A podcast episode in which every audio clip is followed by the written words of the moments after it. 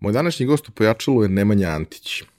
Ekonomista, ali pre svega preduzetnik, e, vlasnik military shopa, koji posluje na 7-8 tržišta i koji je prethodnih nekoliko meseci izazvao puno komentara i reakcija ljudi, a meni je bio veoma interesantan zato što je pričao o jednom vrlo realnom i ozbiljnom biznisu, biznisu u kome imate lager, u kome imate magazin, u kome se bavite nekim ozbiljnim stvarima i možete da očekujete neke ozbiljne rezultate kroz vreme. Njegova karijera je veoma interesantna. Uh, od starta je znao šta želi i put kako je došao do toga je, mislim, onaj pravi. Naučio je mnogo, napravio je mnogo grešaka, pričao je otvoreno o svima njima i verujem da će ovo biti veoma vredno svima koji budu slušali. Takođe, uh, bavio se jednom temom koju povremeno provlačimo kroz epizode, a to je šta raditi sa viškom kapitala, na koji način ulagati, kako razmišljati o tome i kada sam najavio nekim pratiocima pojačala da će Nemanja doći, svi su žarko želeli da čuju njegovu viziju i njegovo viđenje toga svega i na kraju epizode pričamo dosta o tome. Uživajte! Realizaciju ove epizode pojačala podržala je kompanija Epson. Epson je već više od 20 godina vodeći svetski proizvođač projektora i štampača za sve namene od onih kućnih do profesionalnih. Posebno vam skrećemo pažnju na aktualnu ponudu Epson Business štampača. Naime, ukoliko je došlo vreme da kupujete štampače za vaše poslovne potrebe ili da zanovite trenutnu flotu štampača koju imate, obavezno istražite koja to sve rešenja Epson nudi, jer pored zaista sjajnih štampača koji vam nude besprekoran kvalitet otiska, mnogo manju potrošnju električne energije, mnogo manje otpada generisanog u procesu, uz Epson rešenja uvek dobijete i celu paletu softvera koja se kod drugih proizvođača doplaćuje, a ovde dolazi besplatno za sve njihove korisnike. Za više informacija pogledajte businessprint.com, piše se onako kako se izgovara. Hvala vam. Ukoliko ste iz Sjedinjenih država ili sa severnoameričkog kontinenta, pojačalo možete svake nedelje od 20 časova po CST vremenu slušati i na viberadio.us. Novi partner našeg podcasta je advokatska kancelarija OC Law iz Chicago. Da li imate nedoumicu u vezi sa emigracijom u SAD ili vam je potreban savjet advokata u vezi sa američkim vizama svih vrsta? Sve odgovore možete pronaći na oclaw.us ili zelanakarta.us. Za slučaj da želite da nas podržite vi individualno, uh, možete da posetite link u opisu podcasta na platformi Buy Me A Coffee i tu možete kupiti mesečnu pretplatu ili jednokratno donirati neki jednost koji želite. Hvala vam unapred na tom.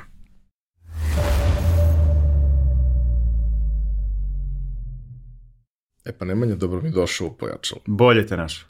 A, razlog zašto si ti danas ovde je zato što se mi vrlo često bavimo klasičnim biznisom, bavimo se i ljudima koji su u nekoj vrsti digitalnog biznisa ili u nečemu što je upravo na, na, na mestu između te dve stvari. Ali jako često kada pričamo o tome e, nemamo mnogo konkretnih jasnih podataka brojki, nemamo mnogo primjera u kojima jedan klasičan biznis na jako dobar način uh, benefituje od digitale i od svega toga, a posebno nemamo mnogo primjera koji su izašli van okvira Srbije, što se toga tiče i napravili neku priču. Ja mnogo volim ljude koji uh, su u biznisu, kada kažemo u pravom biznisu, nekom biznisu koji podrazumeva i da imaš neki magacin, da imaš neki lagir, da imaš neki novac zarobljen u tom lageru, da imaš proizvode koji imaju veličine, a tebi baš odu one koje su ti najviše potrebne i tako dalje, da jer su to stvari na kojima se zapravo najviše uči, gde moraš da budeš najobazriviji, gde možeš da napraviš najviše grešaka, ali to ako funkcioniše, onda osoba zna šta radi.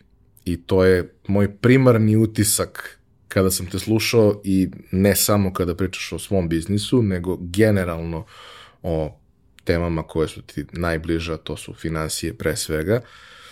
Ovo je čovjek koji zna šta radi. A ja volim da imam takve ljude ovde, tako da dobrodošao. Hvala, bolje te našao, divna najava, zaista.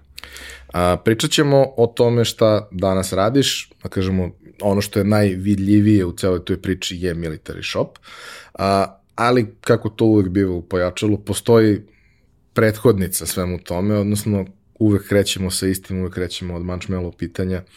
Šta si teo da budeš kad porasteš? Pa ja sam hteo da se obogatim, verovali ili ne. Kad sam bio mali, sada ne kažem mali dve godine, nego kad sam mogao svesno i racionalno da razmišljam, meni je to nekako bilo blisko da na taj način dokažem neki svoj uspeh, neke mogućnosti, dečačke ideje, tada verovatno ka kupovini, danas je to više ka nekom savetovanju i uticanju na okruženje i na neposredno i na vođenje porodice, na prijatelje. Znači, stvarno sam imao tu želju, kao mali. A kaži mi, št, mislim, ok, imao si tu želju, jasno, ali na koji način, odnosno kojim putem da dođeš do toga, kako e, si o tome razmišljao? O tome sam ozbiljnije počeo da razmišljam tek na ekonomskom fakultetu, znači sa svojim nekim 19-18 godina, ne znam kad sam već upisao 2001. ekonomiju. Tada sam počeo strukturirano i organizovano na dostupan moguć način da razmišljam o metodima, modelima, biznisima koji vode ka, tu, ka, to, ka tom nekom bogatstvu kao vrednosti, znači ne samo da jurim neki svoj hobi, slikarstvo ili muziku, to, u tome nikad se ne bi obogatio, znači ja sam morao da napravim i trade-off, da odustanem od nekih svojih želja, da budem policajac, da budem automehaničar, da budem pilot i to mi se sviđalo, ali ipak sam precrtao na kraju sa hemijskom olovkom stvari koje mi se sviđaju, a ne vode u moj drugi, neki moj drugi cilj iz tog vremena. Danas, naravno, mi nije cilj da se obogatim, niti sam nešto preterano bogat, jurim neke druge vrednosti. A kaži mi, ovaj, ok, a, upisao si ekonomiju, u principu većina ljudi sa kojima se pričao, koja, koja je upisivala ekonomiju je negde znala zašto to radi. A, ali kroz naše obrazovanje najčešće ne postoji neki logičan linearni put koji te vodi ka tome da upišeš ekonomiju. Nemaš gde baš da pokupiš kroz osnovnu i srednju školu, osim ako nisi išao u ekonomsku, onda da, ali ovako u ovim opštim predmetima mi vrlo malo imamo dodira sa tim. Pominje se, ne znam, kroz geografiju na nekim mestima imaš neka pominjanja toga svega, istorijski naravno, kada su ovaj kada su bile krize i sve ostalo koje su posle prouzrokovale sve ono dođeš do dodir sa tim. Ali e, ja mnogo volim da pričam sa, sa ljudima o tome kako im je bilo u školi, osnovnoj, srednjoj i svemu, zato što to obično budu neke stvari koje usput pokupiš, jer si, da tako kažem, osuđen da moraš da učiš sve, bez obzira na to što te pola toga ne zanima, osuđen si da moraš da učestvuješ u svemu, da učiš sve do nekog nivoa koji je dovoljan da položiš, prođeš i sve ostalo ili ostvariš uspeh koji želiš kako god. A u tom procesu uh, upoznavanja sa svim temama i svim predmetima jave se vrlo često neke ljubavi koje se kasnije kroz posao ovaj, otelotvore u, u, ili kao jedan segment tog posla ili kao nekakav hobi ili nešto treće. Uh, A obično e, nas do toga dovedu neki ljudi ovaj, na koje smo naleteli. Sad, da li su to nastavnici, komšije, rođaci, prijatelji. Jesi ti imao neke ljude koji su te u tom periodu oblikovali, palili ti tako neke lampice, prisećali te da bi možda neke od tih stvari mogle da budu deo tvoje, tvoje priče? Da, pa u osnovnoj školi stvarno nismo učili ekonomiju, u gimnaziji, u, ja sam završio 13. u gimnaziju, još manje. Uh, profesori, na sva, profesori iz gimnazije nas svakako nisu usmeravali niti sti, na sticanje, niti na posticanje te branše, ali ja sam došao u dodir tih nekih 97. do 2000. godine, to je moj gimnazijski period, sa literaturom, ne znam, iz tih nekih američkih kompanija, to se u medijima počelo malo sve promovisati, pratio sam te kanale, a u stvarnom svom fizičkom životu u Beogradu sam primećivao naše domaće biznise, uspešne, loše, ne znam, lance, ajde da ne kažem sportske klubove, Coca-Cola, trgovine automobilima i tako te neke stvari. Onda sam počeo da zapažam te stvari i da ih vrednujem više od nekih drugih pojava.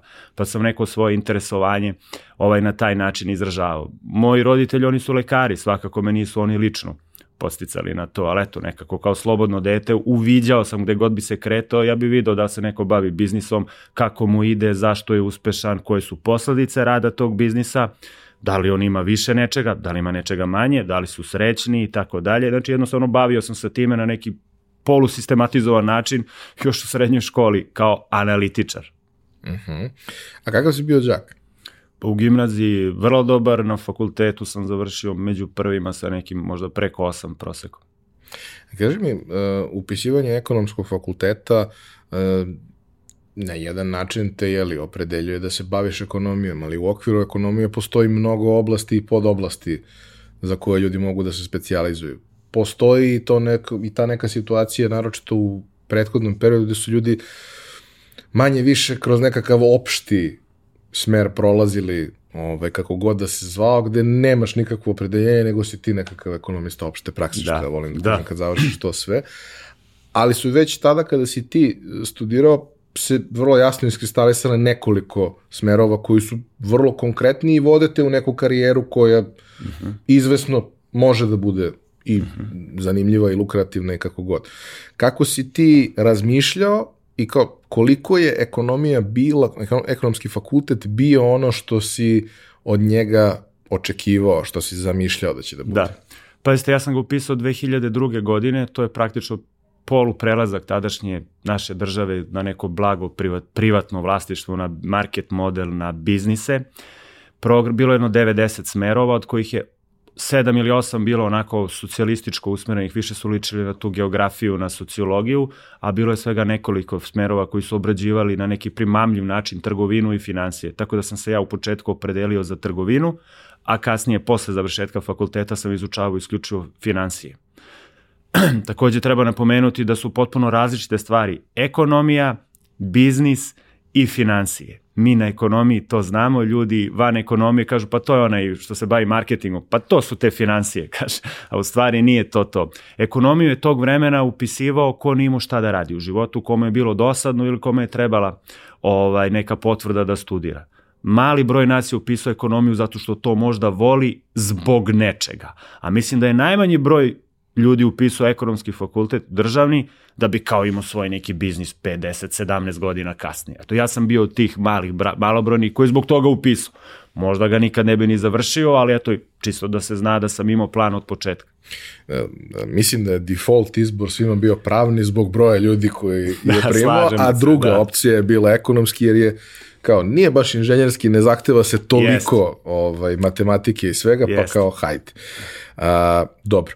A, kroz prolazak, da kažem, kroz a, redovne studije, šta ti je bilo najinteresantnije što si, što si saznao? Pa pazite ovako, ja sam završio gimnaziju, tako da sam bio šokiran sa svim onim računovodstvenim sistemima, kako se to radi knjiženje troškova. Negativno šokiran koliko mi je to bilo nepoznato, bankarsko poslovanje u tom predmetnom smislu. Predmeti su mi bili interesantni kao matematika, kao sociologija, marketing, nešto sam mogao da razumem ili što sam učio u gimnaziji, meni je bilo interesantno, na primjer u prve dve, tri godine, ali sam kasnije preokrenuo i počeo da se invazivno interesujem za financije, za analitiku, tokove novca, cash flow, kamate, diskontovanje, ulaganje, povrat na zaradu, neku slobodu, finansijsku posnovu toga, setovanje kompanija, interne, međunarodni biznis i tako dalje. To sam sve na ekonomiji ovaj pohvatao. Bilo je gomila dosadnih stvari, modeli, teorijska analiza, Heckscherov model, ne znam, teorija cena, mikromanagementi, dosta toga je bilo ovako prilično nema nikakve veze s ekonomijom, mikrocene, racionalize i tako dalje, ali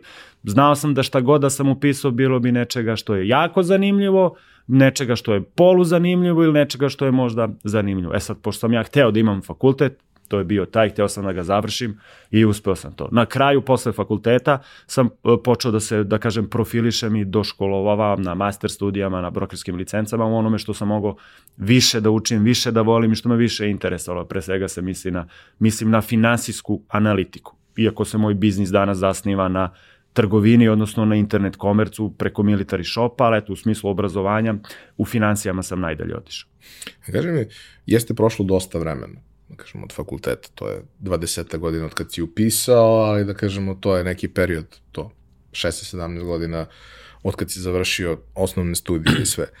Mnogo toga se u tom periodu promenilo, iako verovatno bi svi rekli nedovoljno što se tiče fakulteta, ali u tom trenutku, ako možeš da se vratiš i ako razmišljaš o tome, u tom trenutku koliko je taj fakultet uh, po tvom mišljenju bio dobar i upotrebljiv? On je bio super upotrebljiv za nekoga ko je možda imao put da ide u ministarstvo, ko imao put da ide u politiku, ko imao put da ide u neku veliku društvenu ili državnu firmu, tada su bile ogroman deo BDP-a, možda 80% je dolazi iz društvenog i državnog sektora, na primjer NIS, Energoprojekt Holding, ta neka državna preduzeća, vodovodi, ne znam. Tako da su se naši ekonomisti svršeni uglavnom upošljavali tu. Malo posle toga su išli u strane banke koje su otvorile domaće tržište, pa onda u strane američke ili grčke kompanije koje su ovde dolazile, ne znam, nabrajem sada, cementare, ovaj, neke duvanske industrije, Philip Morris, Coca-Cola, Pepsi, tu su završavali. A ovom malom privatnom biznisu tu, baš, tu je baš zapadao neko kao rezidual, ne kao izbor, to je neverovatno. A ja sam baš zbog toga upisao da formiram nešto svoje kasnije. Tako da sam tu malo bio u raskoraku ja i druge kolege s kojima sam delio, da kažem, mišljenje šta ćemo posle da radimo. Znači, ambijent tadašnji svršeni ekonomista bio je vrlo, vrlo sužen. Ja sam isto maštao, mislim, zvaće me sad neki Microsoft nešto, ja sam nešto bitan. Međutim, ništa se od toga nije dešavalo. Prilično smo bili ovaj predefinisani ako hoćemo da se bavimo tom nekom ekonomijom u kravatama, ići ćemo u neke velike društvene, socijalne sisteme, u poštu, u carinu ili u neke strane velike banke da budemo budemo kao ono bela figura, košulja, crveni tepih, e, kancelarija, radno mesto i tako dalje. Ja sam prihvatio tu igru u nekom domenu, par godina sam radio u ministarstvu, kasnije sam tek posle iskočio, napravio iskorak dalje i u privatnom porodičnom smislu i u svakako, svakako ovaj, poslovnom gde sam krenuo da budem privatnik, ne u velikoj firmi, već u firmi gde sam jedini bio i vlasnik i direktor, ali se to onda šerilo kasnije i rastlo. Eto. A kaži mi, ovaj, to jeste jako zanimljiv trenutak u vremenu, ako pričamo o tržištu u tom trenutku. Dakle, u trenutku kada ti upisuješ, ok, desio se 5. oktobar, počele su lagano da se dešavaju promene, sa jedne strane imamo privatizaciju, sa druge strane imamo i na druge načine dolazak nekog stranog kapitala i svega toga. Može se reći da je po nekoj mojoj proceni i sećanju, recimo u pet godina se desilo jako mnogo toga. Da, Od da. 2001. druge do 6. 7. Mm -hmm. potpuno se transformisalo i bankarsko tržište, Tako i krediti, je. i sve što uz to Tako ide. Je. Tako je. Što jeste bilo onako prilično ozbiljan e, zamajac za privredu i vrlo yes. često kad pričam sa ljudima koji su danas uspešni poslovni ljudi, uh, Naravno da ima i onih koji su počeli ranije, mhm. -huh. ali gro ljudi je počelo upravo u tih od 2002. do 2007. su počeli neku svoju priču, pa su možda prve dve priče failovali. 5, 6 prvih. Jo. Ali su onda vremenom došli do nečega, ali to je bio trenutak Tako. kada su zagrizli jer se nekako, mislim ja se sećam jako lepo tog perioda i, i ja sam počeo da radim tada i osjećalo se u vazduhu da nešto može da se desi, a i na tlu mm -hmm. se osjećalo da su se stvari promenile, da, da stvari da. mogu da se desi. Nisu se samo promenile zakonski, iako jesu i zakonski, već pre svega ogroman priliv stranih direktnih investicija, venture fondova, bankarskog kredita, bankarskog novca, ovde je dolazio, strane firme su kroz te privatizacije upumpavale godišnje u tim godinama od prve do sedme.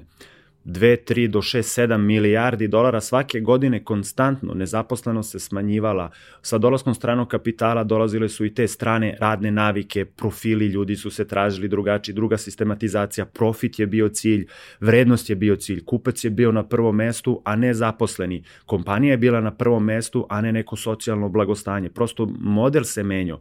U početku je to tada bila SR Jugoslavija, pa SCG već je tržište 10-11 miliona koliko imalo i stranci su to gledali kako da te proizvode prodaju svima nama, pa su onda predstavništa automobila, sećam se OMV je došao, Philip Morris, Duvanska industrija, Niš, cementare, pivara 3-4 su došle i tako dalje. To je napravilo, promešalo je dosta karata i novca je bilo mnogo više u, u, u, drž, u da kažem, u privrednom sistemu tadašnje Srbije. E, sam taj novac se onda ili deponovo u banki ili se dalje plasirao kroz kredite na mikroprivrednike, na fizička na, li, na lica gde se povećala potrošnja. Pa su onda i domaće privatne banke, ajde, ne znam, i poludržavne i poluprivatne, po, na primjer, one, mnoge su sad bankrotirale, Agrobanka, Privredna banka, Beograd, Metals banka, Kragujevačka banka i tako dalje, E, Nova Agrobanka, uzimali su te pare i puštale u privredu kroz kredite, kroz mali biznis. Država je s druge strane ta, da ne kažem sad, demokratska vlast, glupo je prosto nazvati, valjda je svaka vlast demokratska ako je na izborima.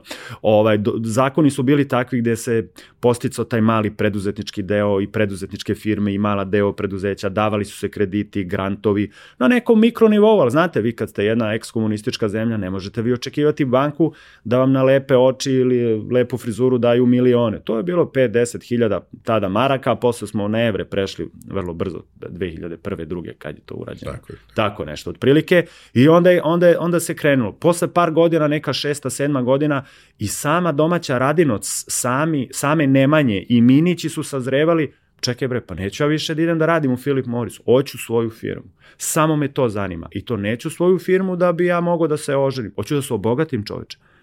Pa ovi neki su se, pa kaže, neću ni samo to. Hoću da idem na međunarodno tržište. Hoću o meni da se piše, da se priča. Eto, ja sam imao te motive i mislim da su te stvari odlične za razvoj jedne države. Što više takvih misli i pojedinaca ima da hoće da um, ne optimizira, već da maksimizira svoje i postojanje i uticaj i želje i sklonosti i težnje, to je bolje za jedno društvo. Srećan pojedinac, srećna firma, srećna država, oporezivanje je lakše, kasnije kroz budžet redistribucije imamo više i za trudnice, i za stare, i za bolnice, za sve ono, vojsku, policiju, carinu, za sve ono što treba, ali primarni motiv, sve ono što nosi tu tešku piramidu, od sistema jeste, jesu taj mali, mikro i srednji privatni preduzetnički sektor koji je rekao ja hoću više nego što mi treba. Znači to je razvilo Sjedinjene države i u tom periodu to se osjećalo i u Srbiji u izvesnom malom nekom procentu populacije i stanovništva. Ja sam imao tu anomaliju uma da sam samo te stvari primećivo zapravo. A to uvek bude tako da ti se nekako prirodno fokusiraš na ono što te interesuje i mislim imaju razne vrste onih uh, kognitivnih disonancija gde prosto uh, primećujemo one stvari koje nas interesuju kao kada kupimo auto pa počnemo da ga primećujemo da, da. ima mnogo više da, da, svi voze moj auto, da. nego što je, nego što je uobičajeno. Da, da, da. Ovaj, ali ima tu još stvari koje se dešavale u tom periodu i mislim da, da ono, koliko god su 90. bile strašne u svakom smislu i kada su prošle, prestale da budu strašne u smislu rata i stradanja. Da, ostalo je sećanje.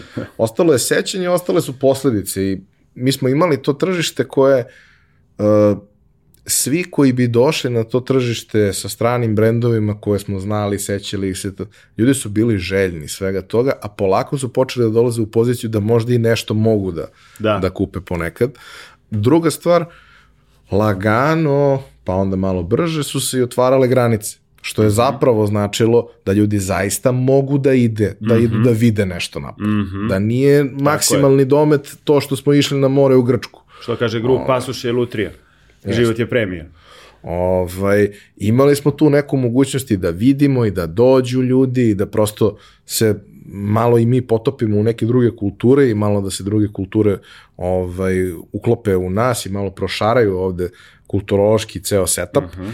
A, nekako mi se čini da je ceo taj period vrlo bio interesantan i potentan i naravno da tako ne može da bude stalno. To je onako jedna velika energija i sve što je bilo u tom trenutku i naravno da je to moralo da splasne, nije baš moralo da se desi svetska kriza, ali i da se ona nije desila, to bi lagano se spustilo na neki nivo. Ali u tom naletu svega, uh, ti završavaš faks, negde je vreme da počneš da radiš, da kako je to izgledalo, kako je uopšte, kako si došao do prvog posla i kad si počeo da razmišljaš o poslu uh mhm. -huh. tokom studija i svega ostalo. Ne računam privatni biznis o kome se razmišlja sve vreme, uh mhm. -huh. to jeste uh mhm. -huh. važno, ali uh -huh. kao obično to nije prvi korak. Da, apsolutno. Pa neko mainstream mišljenje svih mojih drugara sa ekonomije je bilo šta ćemo da radimo? Pa prvo malo da se doučimo, to je master doktorske ko šta voli, pa ćemo 3, 4, 5 godina da radimo u stranoj firmi ili u ministarstvu, pa posle zavisi kako nam tu bude, krenut ćemo u svoj biznis ili će neko da ide u inostranstvo ili će u neku nekoj velikoj Coca-Cola da bude veliki direktor. Tako da ja ništa nisam pametniji bio od tog ovaj nekog modela, Posle faksa par godina sam radio u ministarstvu i možda je neka prekretnica bila kad sam iscrpeo sve mogućnosti od napredovanja do sticanja znanja do neke političke strasnosti i pristrasnosti ili neželjenja učestvovanja, ja sam se dis, dislocirao ovaj, iz te priče i krenuo u taj neki jedan veliki rizični poduhvat privatno preduzetništvo neke 2000, ne znam, 9. 10. godine, tik posle te krize. Znači, A kaži mi, odlazak u ministarstvo. Uh mhm. -huh. E da, izvinjam se. Znači, kako sam se tu javio generalno, znači mi smo svi bili ovako u delima sređeni, slali smo CV-ove u banke, u brokerske kuće, za pozicije finansijskih menadžera, analitičara, na berzu, na državne neke institute, u poopštinama i gde su koga primili. Znači, ja sam bio na, na preko 50, preko 100 razgovora u banci u nekom sektoru za ono, za ovo Nije mi se dopadalo što su banke tog vremena imale neke stroge,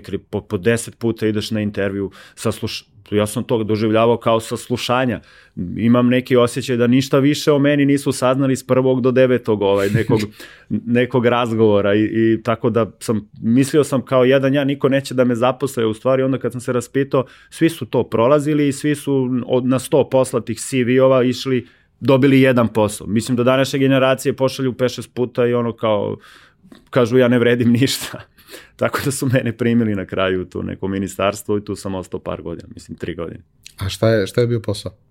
Um, ja sam radio na, na poslovima procene kompanija, srpskih i državnih, koje su se procenjivale u smislu što imaju od imovine, od obaveza, od radnika i procenjivo se njihov potencijal da se one prodaju stranim ulagačima, stranim investitorima, ruskim, američkim, grškim, nemačkim i austrijskim. To je bila grupa investitora stranih firmi koja je najviše ukupovala u Srbiji za vreme te privatizacije, odnosno svojinske transformacije. Pošto je Srbija tad bila na evropskom putu, to je značilo da moramo da se odreknemo državnog vlasništva, a pošto to više nije 13. vek da neko dođe pa da ti to otme, nama su pružili priliku da mi to procenimo pa da prodamo za neke pare i onda je praktično ministarstvo oformilo negde oko 500 ljudi tim na nivou republike cele.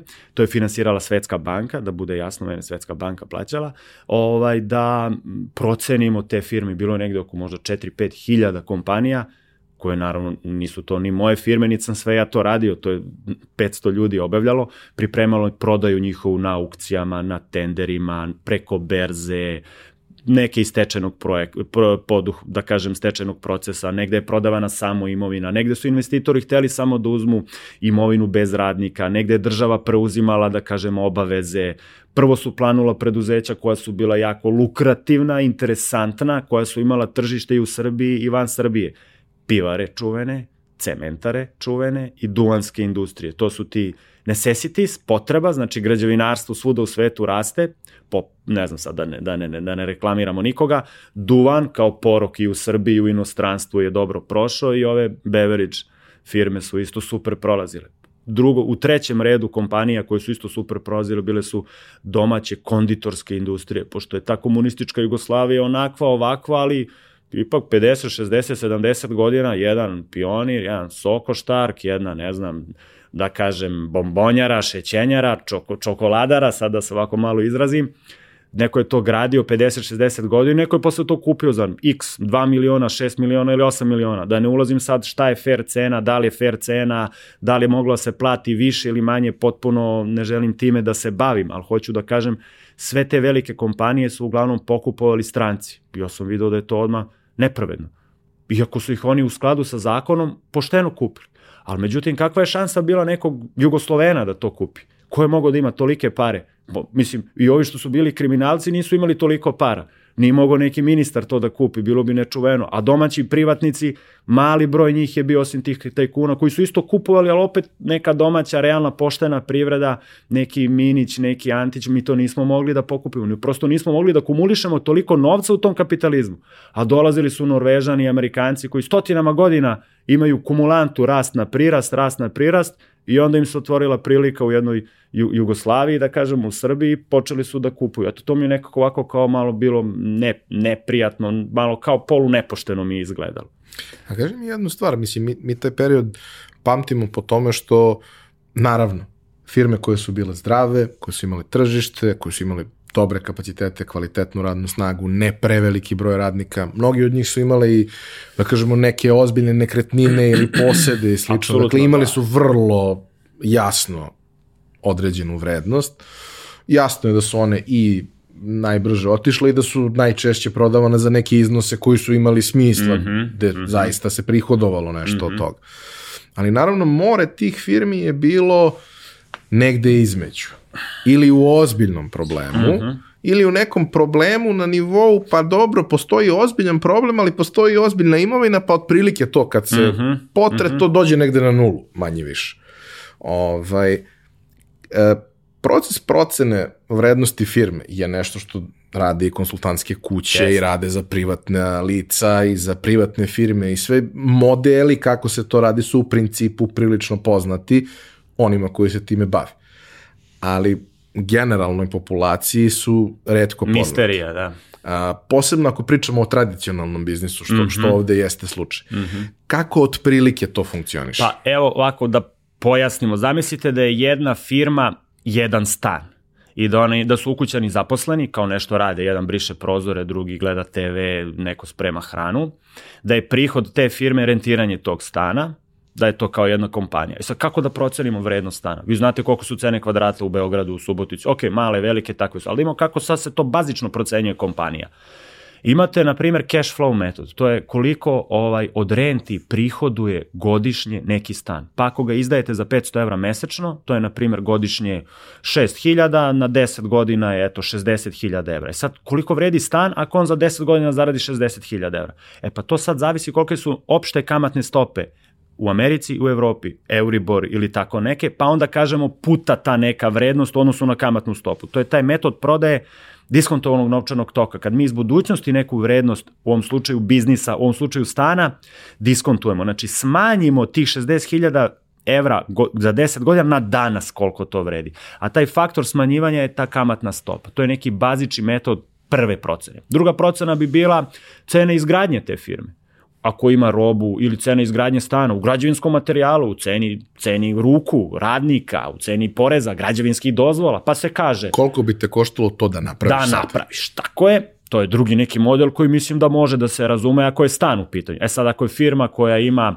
gadgete, widgete, aplikacije, know-how kupce, sve je teže, ali ajde da sad ne zbunjujemo ljude.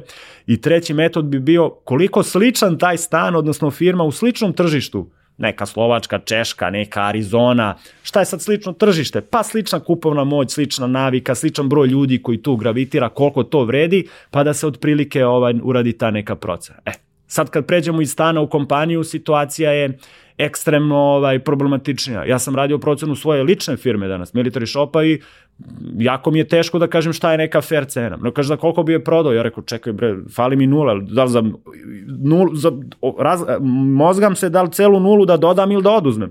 Prosto zavisi odakle gledaš.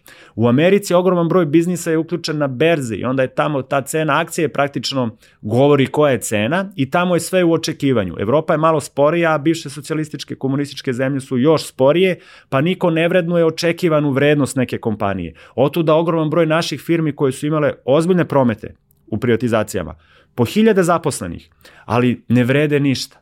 Ne vredi. I sad kaže, to je bila firma, imala je promet, a kao pravi gubitak čoveče.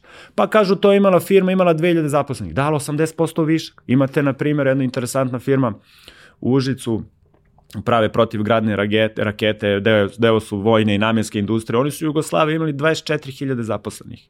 Sada imaju 2000 zaposlenih i dalje rade sa ogromnim viškom zaposlenih. To je 10 puta kontrakcija samo u zaposlenima. A gde je ulaganje u zgrade, u postrojenje i na kraju krajeva kakav oni to proizvod prave? Dajem primer, ako vi pravite neke pantalone koje niko neće da kupi, znate li koliko takva firma vredi u Americi? Ne vredi ništa. Zgrada se ne prodaje na kilo, prodaje se često i za 10-20% vrednosti proizvodnje te iste hale, jer je polovana, jer niko nije, nije ključ u ruke, nema taj unutrašnji know-how i tako dalje. Vrednovanje kompanija je isto jedna vrlo zanimljiva stvar i da nisam neki kao mali biznismen, bio bi procenitelj biznisa, ne nekretnina. Hoću jednu stvar još da te pitam, jer mislim da je ona interesantna iz današnje perspektive, a kad uzem u obzir sve što se tada dešavalo. Uh, u velikom procentu slučajeva te firme su kupovane zbog uh, potencijala koje su imale, nekim slučajevima i tržišta mm -hmm. koje su imale, ovaj, ali je vrlo često uh, princip bio da dođe strani kupac, kupi, preimenuje to u sebe, mm -hmm. jer je brend koji dolazi vredniji od brenda koji mm -hmm. postoji. Bilo je slučajeva kada to nije bilo mm -hmm. tako, naravno. Ali tu postoji jedna stvar a to je da kažemo taj ili možemo da ga zovemo i know-how, možemo da ga zovemo intelektualna svojina, mm -hmm. možemo da ga zovemo i nekakav brand ili recepture, sve ono što je jedinstveno mm -hmm. kod te firme, jer prosto uh, Lupić sad uh, nije dobar primer, ali meni je jednostavan za, za, za upoređivanje, može da dođe neko i da kupi Tigar, kao što se i desilo, ali Tigar je brand u nekoliko Država. oblasti koji su koji je vrlo vredan, koji ima vrlo dobru reputaciju, ima prilično lepu publiku, ima određenu Lojalne količinu kupce. kupaca i tako dalje. I ima neki know-how u smislu stvari koje su pravili, možda nisu bile state of the art na mhm. evropskom mm -hmm. nivou, ali za naše okvire su bile više mm -hmm. nego dovoljno dobre. Od, mm -hmm. ne znam, e, čizama i medicinki mm -hmm. i lopti, pa do guma i svega onog ostalo. Apsolutno da. Uh, koliko je u tim procesima uopšte bila važna ta intelektualna svojina koju firma nosi sa sobom proizvodi, brendovi, koliko se to gledalo i u kolikom procentu slučaja, kao neko ko je bio, da kažem, i unutra, a i video šta mm -hmm. drugi rade, u kolikom broju slučajeva su to uopšte potencijalni kupci uzimali u obzir, koliko je njima to bilo važno? Pazite, kupci su to, strani kupci su se u školama školovali koliko je to važno i kako da se izračuna koliko je važno. Znači oni su prosvećeni i osvešćeni dolazili da kupuju baš to, dušu firme ali kad su nastupali kao kupac, on je gledao svoj interes i on nije rekao hoću to zbog toga prosto on je glumio svoj pravi razlog ovaj kupovine, već je rekao, ok, kupujemo firmu koja ima veliki dug, kupujemo firmu koja radi na tržištu koja ima prosječnu platu 400 maraka, kupujemo firmu gde je 20% ljudi više, kupujemo firmu, kaže, spremni smo da kupimo, da uložimo u taj neki tigar, mačku, lava firmu, ali tu je prosječna starost radnika 56 godina, pa znate šta to znači za nas budžet, pa znate kako će da gleda svetska, pa naš kreditor iz Amerike, pa iz Nemačke i tako dalje. Znači oni su imali e, drugi par rukava u pregovaračkom stolu stolu, ali jasno je da to vredi za, za firmu, da je to praktično možda i najbitnije, ta neka, neka lojalnost o, o, kupaca da čuju za tu. Evo, dođite sada sa nekim, ne znam, da li znate koje su muke imale gume iz Koreje, mislim da se Hancock zovu, kad su došli ovde, ljudi nisu čuli. Ok, možda ste vi čuli ili kolegi, ili možda sam ja čuli, većina ljudi nije znala koje su, sad su to najskuplje gume koje možete na auto staviti ovde kod nas. Odnosno, imaju modele koji su među najskupljima. Probili su se, ali su 10 godina ulagali, ulagali, ulagali. Sa nekim tigrom, domaćim, nekim lavom, nisi imao problema ovaj to da uradiš. I to je stvarno vrednost, da ti ne moraš da, ja danas tu svoju robu moram da reklamiram u e-komercu, iz nekih drugih razloga, ali zamislite da imate tu prodaju da ne morate da reklamirate. To je baš to, Miliću, što si ti rekao.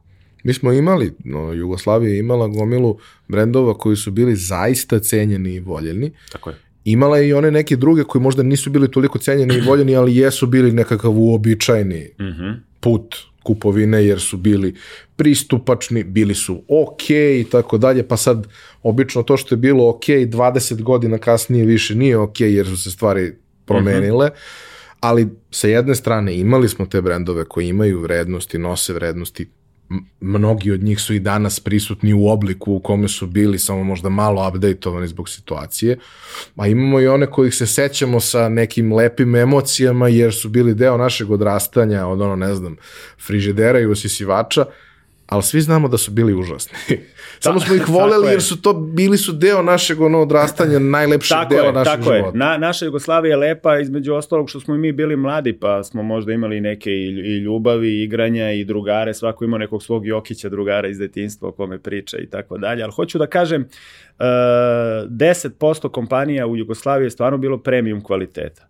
Ali vidite jednu stvar, i u Americi 10% kompanija je premium kvaliteta. Evo i za poređenje, američka automobilska industrija, evo ja sada ispitao, ispitam sve ovde u studiju, pa nećete nabrojati više od osam automobilskih industrija u Americi, kao Ford, Motors, General i tako.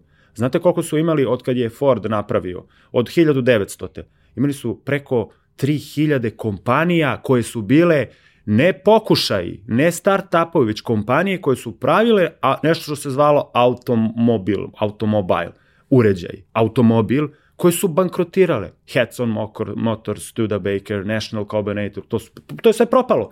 I u Srbiji niko ne zna ni da je to nastalo, no, mislim, ni da je propalo. Izvinjam se. Ima onih brendova koji Tako su bili je. vrlo prepoznati koji više ne postoje. Jeste, ali mi ovde, mislim, ja, ja bih volao da smo mi mala Amerika, ali u svakom slučaju u Srbiji su neke firme uspele i nastavile da se šire te prodate, a neke su propale ne zato što su ih uzeli stranci, već i ti stranci te iste neke brendove propadnu i u njihovom tržištu. Danas imamo čitav trend, Kinezi su preuzeli dobar deo, ne znam, kupili su Jeep, kupili su Jaguar i tako dalje, sad mislim da su uzeli onaj luksuzni Bentley i tako dalje. Da, ima dosta primjera u onom međunarodnom međunarodnoj trgovini, pre svega da oni koji su dobri trgovci, koji imaju ozbiljne lance distribucije Tako i sve je. što je potrebno za to, da kada vide da je neki brend koji ima neku lepu tradiciju, mm -hmm. ali trenutno je možda mm -hmm. da izdisaju, ako je u njihovoj industriji ne znam, proizvodnja tekstila šta god, samo akviziraš taj brend, napraviš set proizvoda mm -hmm. koji je pristojan, mm -hmm. znači ne želiš da degradiraš brend, mm -hmm. želiš da on ostane, ali napraviš set proizvoda koji je pristojan, nalepiš taj brend i koristiš svoje kanale za to, jer imaš kanale. Prodajne kanale, tako, tako je. je. Srbija tog vremena, ona je bila isto primamljivo tržište, ali na nivou veličine koliko je tada imala 10, ajde da kažem 11 miliona te multinacionalne kompanije, one su imale megalomanske ideje da prodaju u celom svetu, u celoj Americi, Kini i tako dalje. Tako da nije korektno reći došli su ovde samo da kupe tržište. Da, ali su im planovi bili sigurno mnogostruko veći. Kao što i moj plan nije da prodajem samo u Srbiji robu. Prosto ja imam isti motiv kao i taj John Wayne iz Teksasa koji je privatizovao duvansku industriju. Na primjer. Kaži mi, e, dobro, to je taj deo, da kažem, koji se odnosi na, na, na ministarstvo i aktivnosti koje si imao tamo. Otprilike, ne možemo da kažemo da se ceo proces e, privatizacije završio tada, ali jeste gro stvari već, ono, najveći deo da, je bio što je valjalo završen. je završeno, da. E, I ti si sad u tom trenutku već u nekim malo zrelijim godinama, imaš neko iskustvo, kontakte, video si šta, mm -hmm. kako i treba doneti odluku šta dalje, jer prosto ulaziš u onaj deo života kada znaš najviše i najviše možeš da daš i da radiš. A i treba ti najviše. A i treba ti najviše. Kako si doneo odluku i šta je ona u tom trenutku značila?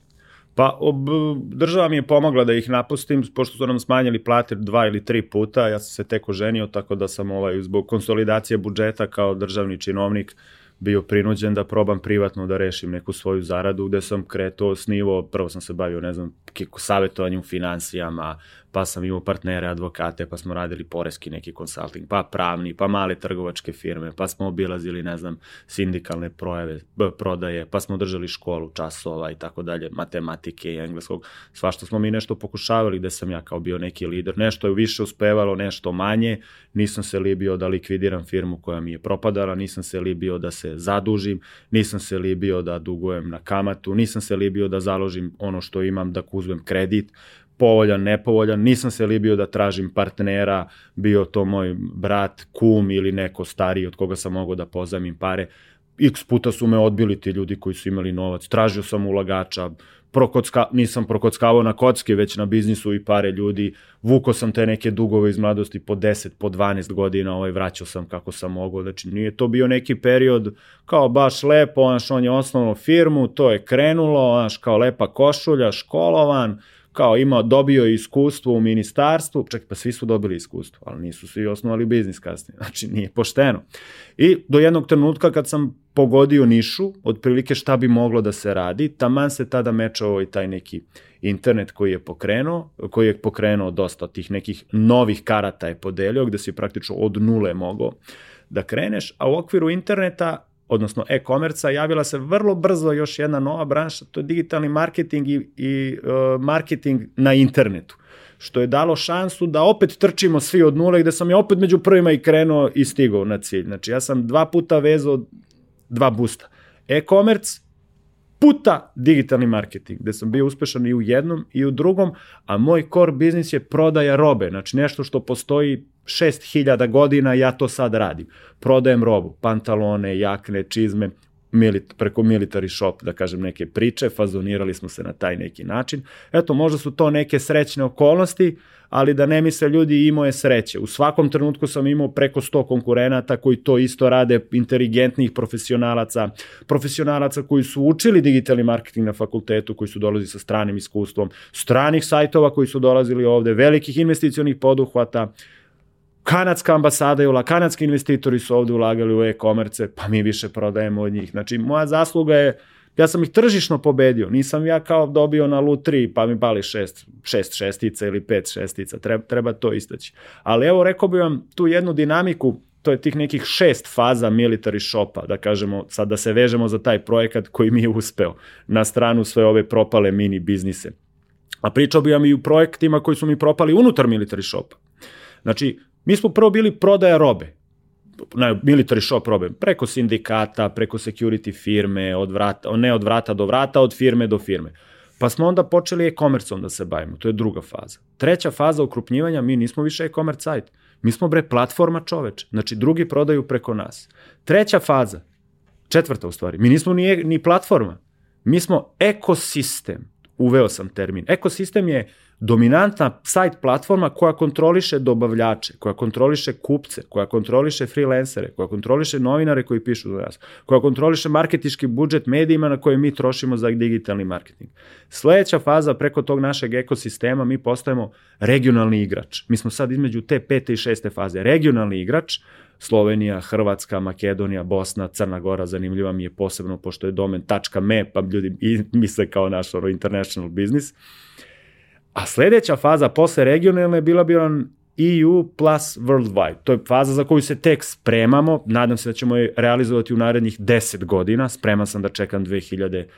40. 45. Uopšte mi nije problem da izađemo na prava svetska tržišta kao militarishop.com na primjer. To je tih nekih šest faza razvoja. Čovjek bi rekao oni rade e-commerce. Pritom, E-commerce više nije samo e-commerce, vi bez marketinga, bez reklama više ne možete se baviti e-commerce. Pa oni kažu, pa dobro, ti si završio marketing smer na ekonomiji i sad možda se baviš marketingom. Međutim, prvo nisam, a drugo, to all bets off, to ti baš ništa i ne važi i da jesi. Pošto vi sad imate marketing na digitali, na internetu, on je toliko različit, toliko se to samo menja, imate Pa samo mi imamo pet društvenih mreža. Military Shop, Facebook, Instagram, TikTok, YouTube, Twitter. Pa marketing na sajtu. Pa marketing uh, strategija uh, banera po forumima, bo, bo, banera po medijima. Pa Google marketing u smislu ključne reči, pa jurenje ovih, da kažemo, klijenata, remarketing i tako dalje. Pa onda vam samo na, dolaze, mi smo dugo radili na Facebooku, pa onda pojavio Instagram, potpuni šok, ovladaj. Pa je sad uskočio TikTok, totalni šok. Ko gleda, da li su klinci, da li nisu, ko ima pare, da li ima matoraca, da li ima kupaca. Na kraju sam ja morao da otvorim taj nalog da bi se prosto nekako da razumem te ljude. Pa mala slova, sitna slova, sad treba da prodaš neki ranac, neku baterijsku lampu i tako dalje i tako dalje. Sve je složenije. Cena marketinga je sve skuplja. Cene agencija da angažujete su papreno, vi to možda i bolje znate. To je možda plativo nekim stranim firmama, mi smo ovako sa dve zmije u, u džepovima, Ne možemo da platimo često neke reklame. Pa sam onda, jedno vreme se nismo ni reklamirali uopšte. Ali smo za to vreme iskoristili da nas 15-20 u firmi, da mi naučimo, bre čoveče, kako se to radi na kursevima, na knjigama, na, na pretragama. Znate, kad je nešto novo, na primjer Google Ads, Google reklamiranje, ja imam Google nalog već 13 godina. Ne Gmail, već aktivan nalog za reklamiranje. Koliko vi znate ljudi u Srbiji da se reklamira aktivno 13 godina? Pa nema. Evo, mene obilaze agencije, kada ih pitam koliko radite, pa kaže, osnovani smo od 2020. Čovječe, pa, pa ti treba od mene da učiš marketing. Mislim, na, našalim se, naravno, da ne misle ljudi da sam prepotentan, ali generalno, evo imate sad taj TikTok marketing.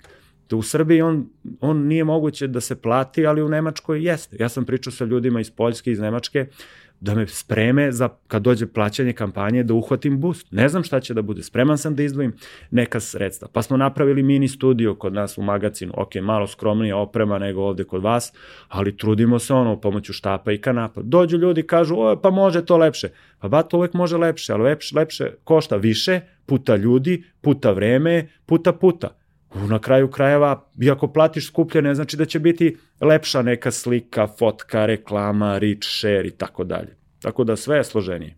Znaš da, ja mislim da je jako velika stvar zapravo ovaj, u tome da uh, si ti čovek iz financija pre svega i da ti da. zapravo da. razumeš koliko te nešto košta. Apsolutno. Jer mi kada pričamo iz ugla marketara, čak i onih koji se relativno ozbiljno i odgovorno bave time, mm -hmm. njihova logika je uh, Dobro, taj proizvod košta 10 evra i na njemu je marža, ne znam kolika, ali neka je marža, 50%, aj nek bude da je 50%.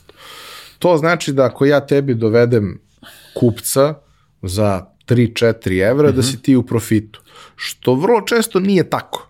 Zato što ljudi ne uzmu sve troškove u obzir. Uzmu u Bravo. obzir koja je nabavna cena i koja je prodajna cena. A neko, najbanalnije moguće, treba to da spakuje. Bravo. Evo, A to nije mala stvar. Dozvolite mi da, da dodam jedan amandman republikanski na vašu izjavu. Znači, prvo marža nije 100%, nego je marža je 20%. Znači, nabavljamo ga, na primjer, za 8, a prodajemo ga za 10, kao prvo. Ta razlika nije ni 20%, to je razlika u ceni, odnosno kontribucijona marža nam je 20%. Međutim, to nije živ keš, to su pare na računu koje ima, imaš da platiš PDV, porez na dobit i dividende na kraju. PDV je 20%, porez na dobit je 15%, porez na dividende je 15%. To je samo nominalno što te čeka. E sad, ako novac nije naš, već ako smo ga uzeli od banke na kamatu od 10%, oduzmi od tih 20% i tih 10%. A gde su tu radnici? Pa neko tu pakuje tu robu? Gde je renta? Pa ti si mi rekao koliko skupo ovde plaćaš prostor. Pa i to valjda neki trošak. Pa ima neka struja, ima neki administrativni troškovi, ima neka amortizacija. Verujte mi, to se toliko izduva i mi to ne možemo da, mislim, ja to razumem kao finanski analitičar, ali to teško na marketinški um preneti nekome da mu objasniš koliko u stvari tu malo odlazi. A agencije su sklone da kažu, eto, nek si ti u pravu, nek nam je na 5 dolara 5 zarada. Aha, znači vi možete za 4,99 da vam dovodimo novog klijenta. Ajmo kažem, a vam bre sve preko 40 centi, ja, meni ništa ne ostaje. U živom sam gubitku. Eto, taj deo je malo meni jako teško bilo da objasnim nadprosečno inteligentnim ljudima u agencijama, jer jednostavno misle da ih ja zavlačim kad im objasnim kako jeste. Kasnije sam skapirao da je veliko neznanje tu, jer su sve te agencije male firme, preduzetničke radnje koje nemaju ni PDV, ni porez na dobit, ni dividende, koji nemaju robu, pa da on ima ulaznu i odbitnu stavku u robi. Onda ovi što znaju da kako ide ulaz i izlaz robe, oni misle da su marže 300% tu. Ja ne mogu da im objasnim da marže uopšte nisu 300%, već su od 3 do 30% kako na kom artiku. Konkretno pričamo o military shopu, ne znam kako je u drugim brendovima i firmama, ali čisto sumnjam da je neko uspeo u robi da napravi. Ako ja tebi prodajem, isključujem sad ono kao uzima na Alibabi pa prodaju u Americi. Pustite, to je sad, to je mikro niša, mikro niša i to je aberacija koja će biti verujte mi, pre ili kasnije setovana na, na fair cenu, da, da nećeš moći. Vi kad vidite da je nešto 12.000, koliko sam ja glup pa neko uspe da nabavi nešto za 6, a meni prodaje za 12. Jer moguće da je moj IQ toliko nizak da on uspe da me ubedi da to vredi 12. Znate? Mislim, tu postoji još jedna velika stvar koje si se ti dotakao, a koje vrlo često ljudi ovaj, zanemaraju, a to je da kada prodaješ fizičke proizvode koji imaju veličine, A, uh. To znači da ne znam, da bi mogao da prodaješ pantalone, ti moraš da imaš 100 pari u 20 različitih veličina da bi mogao da prodaš jedne. Puta boje. Ne, ne, okej, okay. znači može još da se usložni drastično. Da, evo da... Ja često kada pričam, imao sam tu, taj slučaj sa, sa par drugara, sam pričao kao, eto, tekstil neki da pravimo nešto, -hmm. da pravimo reklamno, da delimo i to -hmm. sve. Kao šta bi mogli? Šalove i čarape, zato što nemaju veličinu. I kape, izvinjam se. Da, ok, e, i kape. Da. Kao, to nema veličinu. Odnosno, ima da. i to veličinu, ali u suštini čarape ako su elastične su jedna da. veličina za muškarce, da. jedna za Bravo. žene, šalovi Sjajno. su jedna veličina. Sve drugo, kao ajde da radimo majice. Dobro, koja veličina ćemo da pokrijemo? Pa šta znam, ono standardno. Znači četiri veličine za decu i sedam veličina yes. za odrasle. Jeste. Pa ko što tako? Pa, Jeste. pa tako. Ne. A evo Miniću, ti si nadprosečno inteligentan ovaj, čovek i dečko, ti ćeš ovu matematiku razumeti. Mi imamo dva proizvoda koji imaju veličine. M majice, mnogo majici i pantalone, mnogo pantalona. I recimo sada pretpostavku da ja prodajem 200 majici mesečno i 200 pantaloni mesečno. Ja da bi ostvario tu prodaju 200-200, pritom kad neko kupi 200, nije to jedan čovek daj mi 200 elova, to je obično ono, daj mi malo vamo, onaj model.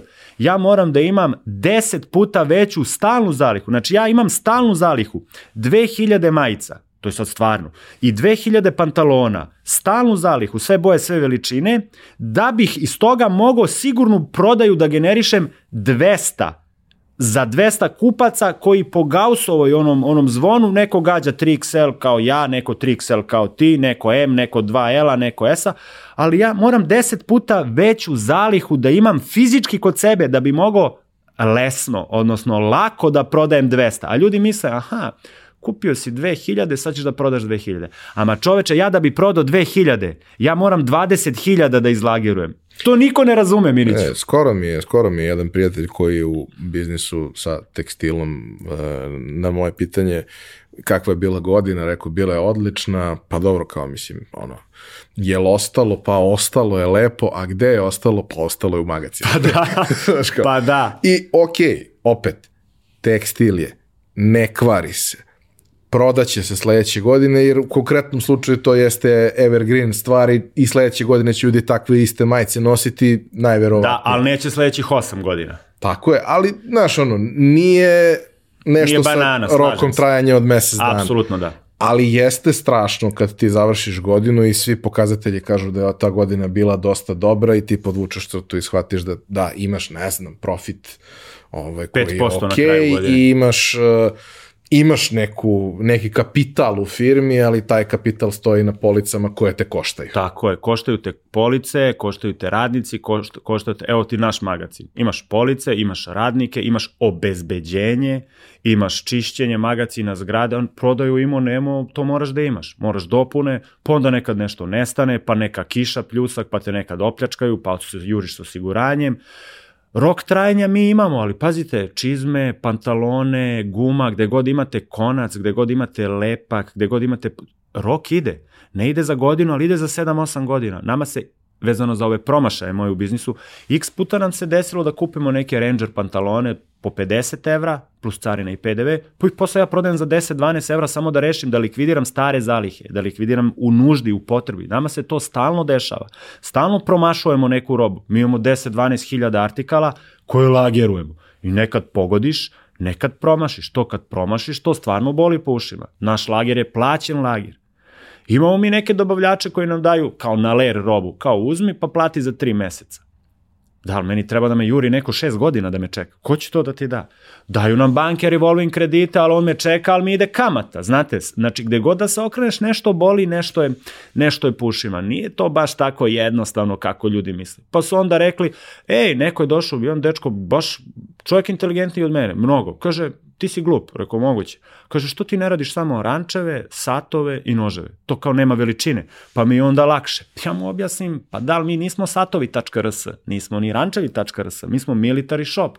Ja želim da obučem čoveka od čarape, koje stvarno imamo, do pancira, jakne, kačketa i sve ono između što se stavlja. Redenik za bombu ako treba i, i, šo, i šok bomba za airsoft i tako dalje. Kompletnu opremu da mu damo. Ja, mi im, na primjer, evo pantalone, imamo šest brendova po četiri boje, 24 u 12 veličina, to 24, to ti je 300 modela boja, neke samo po jedna, ja moram da imam 300 a mi dnevno prodajemo 10, 20, 50 pantalona dnevno. Znači ja da bi prodavao toliko, ja imam 4, 5, 6 hiljada pantalona na lageru kome ide rok, a nemam neku moć da ja sad kažem, ma daj bre puta 10 stavi cene pa da mi to završimo, kao, ma, to, marža to plaća. Meni su marže padajuće, Padajuće su mi o inflaciji, a moram da imam tu neku širinu. Moram da imam tu neku širinu. A tržište mi je jako teško.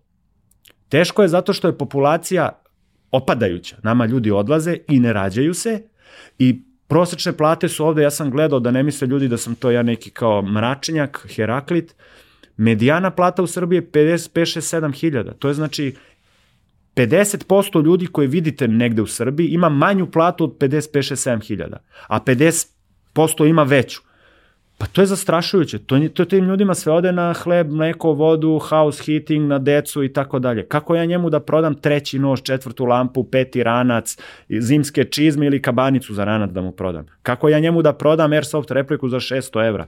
na kojoj zarađujem 50 evra, bruto zarade, kako ja to da mu prodam, ka, za, gde će on to s tim? Tako da baš imamo te neke pro, probleme, raširili smo se, uveli smo veliki asortiman, ljudi su to prepoznali kao wow, super, ali niko ne, to kada imaš lep biceps, ljudi misle rodio si se s njim. Ama bre, rodiš se sa nekim ušima, onakim ili ovakim, ali ovo što moraš da, to mnogo košta i mnogo je teško. U mom slučaju je to ekstremno teško, jer ja to nisam ni nasledio, niti imam nevraćene kredite, niti sam franšiza multinacionalne kompanije, niti sam tajkun, niti sam neka kao državna firma, pa kao sad ono sipa i toči mičko, plaća neki budžet. To smo mi sve iz privatnih sredstava iz prirasta vrednosti ulagali, ulagali, ulagali, ulagali, kupovali, širili bazu, širili bazu.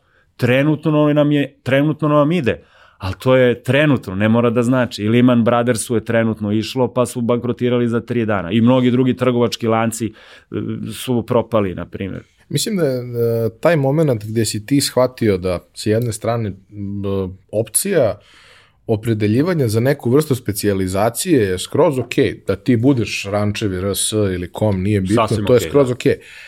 Ali to onda znači da si ti, ukoliko prodaješ kvalitetan proizvod, da tebi svake dve godine, tri, pet godina neko dođe i kupi ponovo Jest. kod tebe. Što je kvalitetniji, on ređe dolazi. Tako je. Što ti bolje radiš svoj posao, to on ima manje potrebe da ima kontakt sa tobom. Da. A stalno dovoditi nove ljude Jeste. je vrlo teško i naravno da je Jeste. publika mnogo manje. Jeste. Kad ti napraviš ovu vrstu ekosistema gde on može svakog meseca Bravo. sebi da kupi nešto, tebe košta mnogo da ga dovedeš Apsolutno, prvi put, ali ako on ostane tu dovoljno dugo i ako bude zadovoljan i bude naručivo Mhm. Tako ponovo, je, ti tako imaš je. šansu da kroz petu kupovinu izađeš na nulu ili u plus. Kako petu, sto petu. Mi imamo kupce koji po sto puta kupuju kod nas. Ne, ne za godinu dana, nego za deset godina. Military shop je bio ignorisan 11 godina.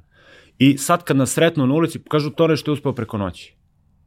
Naravno. Je, jel me razumete što hoću da kažem? Naravno. Pazite jednu stvar, dva jaka argumenta zašto mi nismo rančevi.rs ili vojnepantalone.rs ili vijetnamke.rs. Ja želim da se ti ceo obučeš u military shopu, naravno ne možeš da kupiš kupaće gaće, ali ono što je iz military branše, znači i taktička oprema i pozamanterija i kape i šorcevi i kvalitetne jakne, sve da, sve da kupiš, to ja želim i želim dugoročno da se vraćaš. Znači meni je time frame dekada, meni je dugoročno 10-12 godina, mi, mi smo od 2023. godinu 23. Ja sam nju završio. Ja ustajem u 6 zbog 2045. Ne znam da li, sam, da, li- da li me razumeš. 23. čet, to je završeno, radi Luka, radi Filip, radi Jovana, neko, neko nju radi, odrađuje i oni su je završili. Mi sad setujemo nove brendove, setujemo neku možda našu proizvodnju, setujemo strana tržišta, mi, mi se za to zagrevamo. E, to je naša neka strast. Znači, širina nam treba da bi ljudi sve na tom jednom mestu mogli da kupe. A ovako kad bi bio neki mikro, mikro, mikro, nije mi cilj da neko dođe na jednom na 3-4 godine, već da vežem čoveka u slobodnoj volji, znači dajemo. Mi robu ne dajemo, mi robu prodajemo. Meni kad neko kaže neću da kupim, ok, ostala mi je roba, ne moraš. Nismo mi, ja nisam tip za svakoga. Naš sajt nije za svakoga.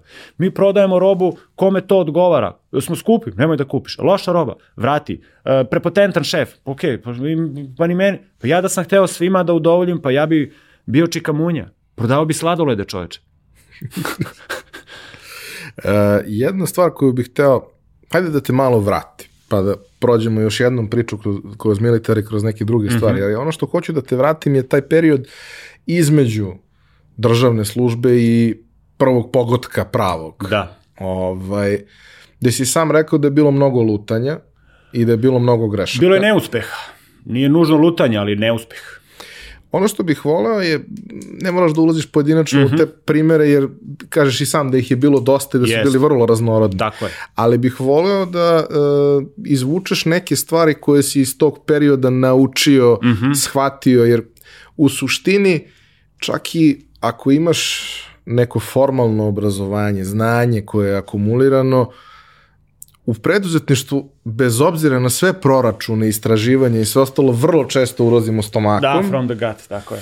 i e, bez obzira što nam, ne znam, pet ljudi govori da to nema smisla, ako za nas ima, mi ćemo to probati po cenu da promašimo Da, da.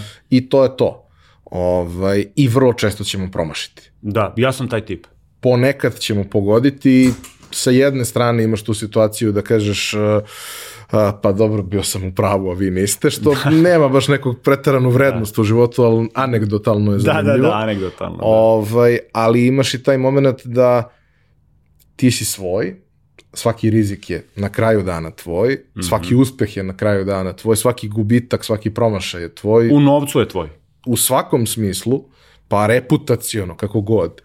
Ovaj, šta pamtiš iz tog perioda te najveće borbe i traženja kao neke najbitnije lekcije koje si pokupio? Pa evo, fokusirat ću se na te negativne lekcije. Prvo sve svoje pare koje sam uložio sam e, izgubio u raznim biznis poduhvatima. Milioni dinara su u pitanju, za mene basnoslovne cifre tog vremena i to mi se desilo nekoliko puta, iako sam iz svakog promašaja vukao kumulativno isku, iskustvo. Znači nisam ja dva put propao na isti način.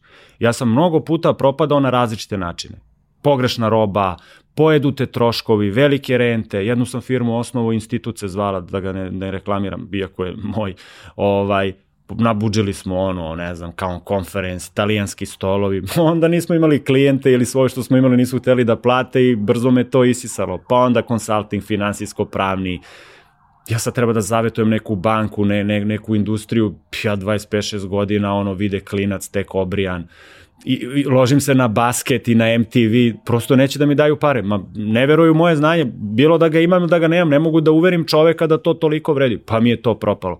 Pa onda eksperimenti sa robom, da li možeš s patikama, tamo, vamo, pam zaplene robu, pa nemaš ti neko znanje da ti sad kako to da cariniš, kome da se žališ, pa ti istekne rok, pa si prekludiran Svašta se tu dešavalo, pa da ne pričam sada o problema s partnerima kojima sam imao, ko je koliko uložio, to se sve, sve mi se to pokrckalo, znači uvek je neko izjalovio, neko se oženio, ne, neko je nije hteo da prati, neko je uložio isto, ali nije reo da radi isto, neko je hteo da radi, ali nije hteo da uloži, neko je vrednovao zato što je on možda mislilac, ja sam vrednovao što sam ja veliki radnik, pa smo se onda posvađali i pokačili, kad god krenete neko partnerstvo u Srbiji, ono jako loše, ovaj, da kažem, krene. Na, kraju, na kraju znanje koje sam isisao da kao neku krivu koja je zakonitost u 10 godina mojih promašaja jeste da ako hoćeš da nešto uspe, to moraš ti time da se baviš i, i ne možeš da završiš posao u 4, u 5. Znači ja, te dve stvari su najbitnije. Znači, ako hoću da mi uspe digitala, prodaja, tender, znači to moram ja da idem list po list.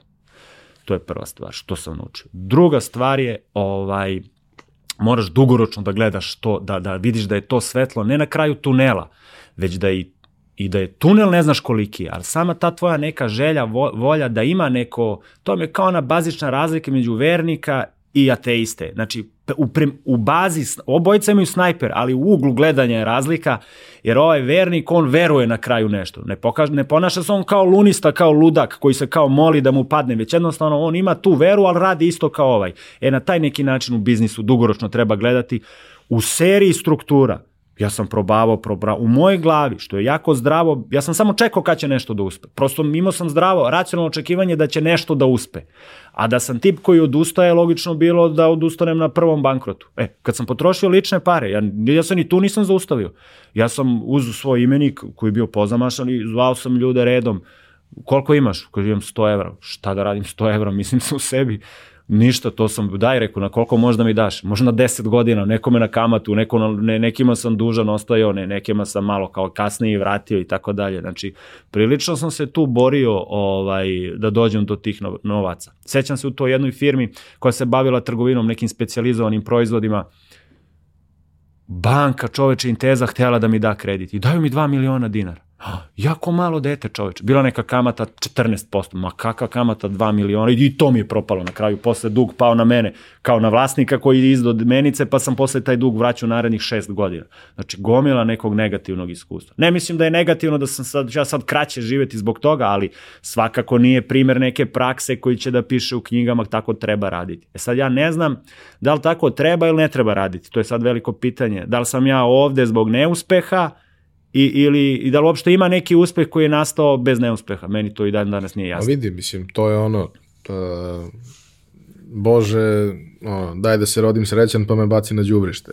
Da. Nažalost, to je nešto na što ne možemo da utičemo. Možemo da. malo da pomognemo toj sreći time mm -hmm. što ćemo da se trudimo. Da, da, da, da. Što se kaže, ako baš, ako dolazi da nas zatekne spremne. Da, da ali to je to, ne možeš da utičeš Bravo. na to da li ćeš imati sreće ili nećeš. Bravo, to je ali uz to pokušaja su veće šanse da ćeš imati sreće nego jedno. Apsolutno, da. Evo jedan interesantan uh, Amerikanac indijskog porekla, on je definisao, ovaj, Naval se zove, hmm. preziva. Uh, četiri koncepta sreće. Prva je slepa sreća. Ideš ulicom, sretneš lepu devojku. Ideš ulicom, op, sto evrića dole. Ideš ulicom, dođu iz Coca-Cola, e, ti nam trebaš, jel možeš odmah? To je blind luck.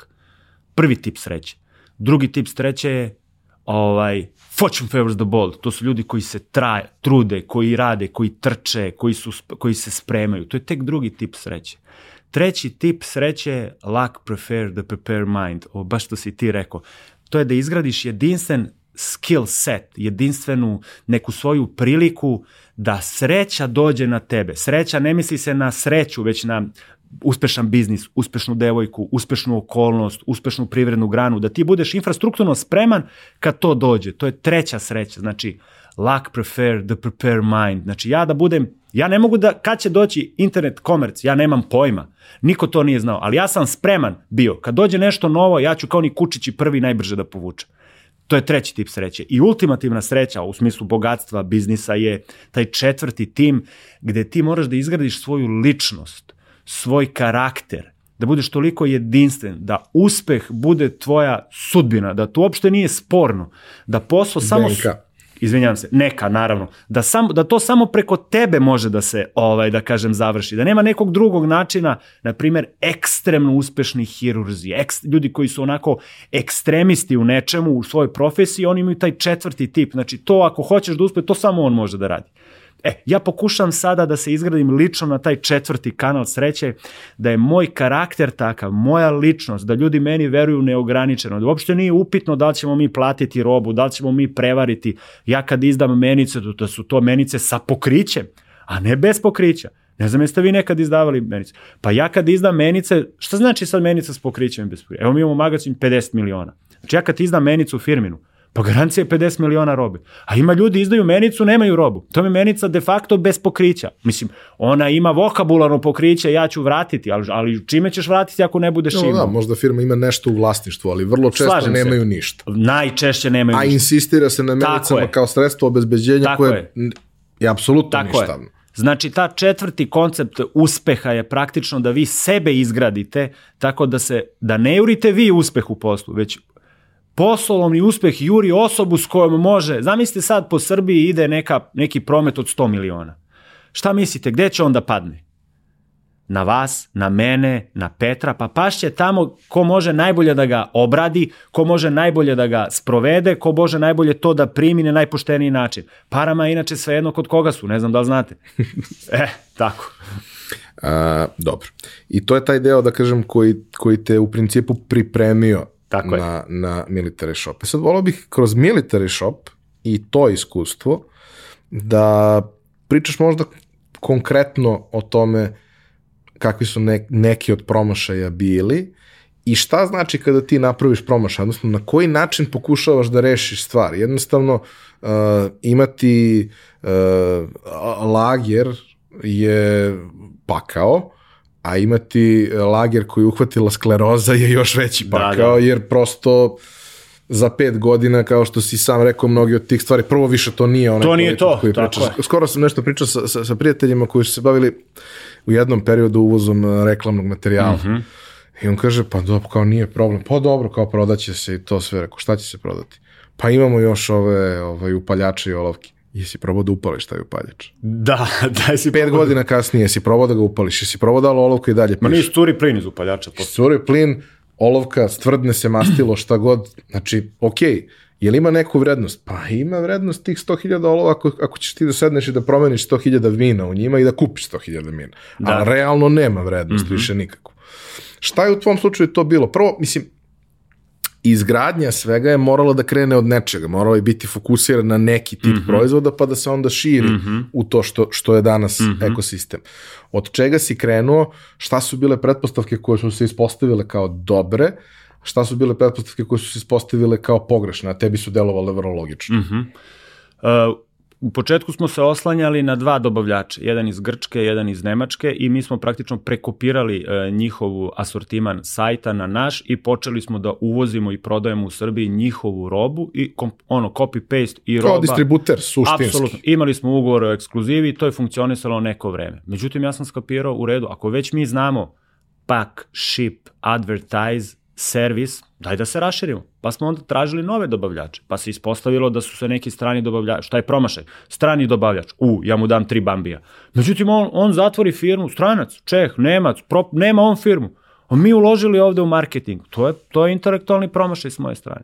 S druge strane, i nove legitimne dobavljače, često su nas oni gurali, uzmite ovu robu više, pa je oni ne zanovljavaju ili su neko ide, ide ono skupa roba, mi ne možemo da je prodajemo ovde, pa je prodajemo ispod cene, to je finansijski promašaj.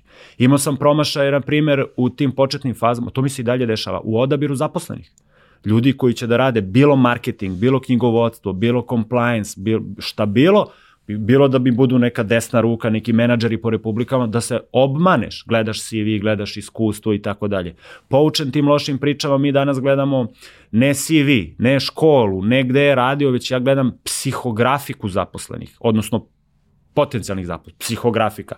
To su interesovanja, vrednosti, ono, preferencije, odnosi s ljudima, šta je njemu važno, da li imamo isti set standarda, psihografija, koji je tip ličnosti, kako se slaže, kako radi pod stresom, kako, kako rešava, kako je on šef, kako je kad je on sa šefom, šta je njegova vrednost, pare, što je legitimno, posao, što je legitimno, socijalističko ubeđenje, što je isto legitimno, ali moramo da znamo i da vidimo da nam se to uklapa. Da li on neko ko lovi, e, e, da kažem, preporuku, biće šest meseci pa će da ode. Ja ljude pitam, jer želi, što ste došli? Pa kaže, malo da naučim. I šta ćeš onda? A pa idemo drugu. O, pa nećeš ni da počinješ, čoveče Boži.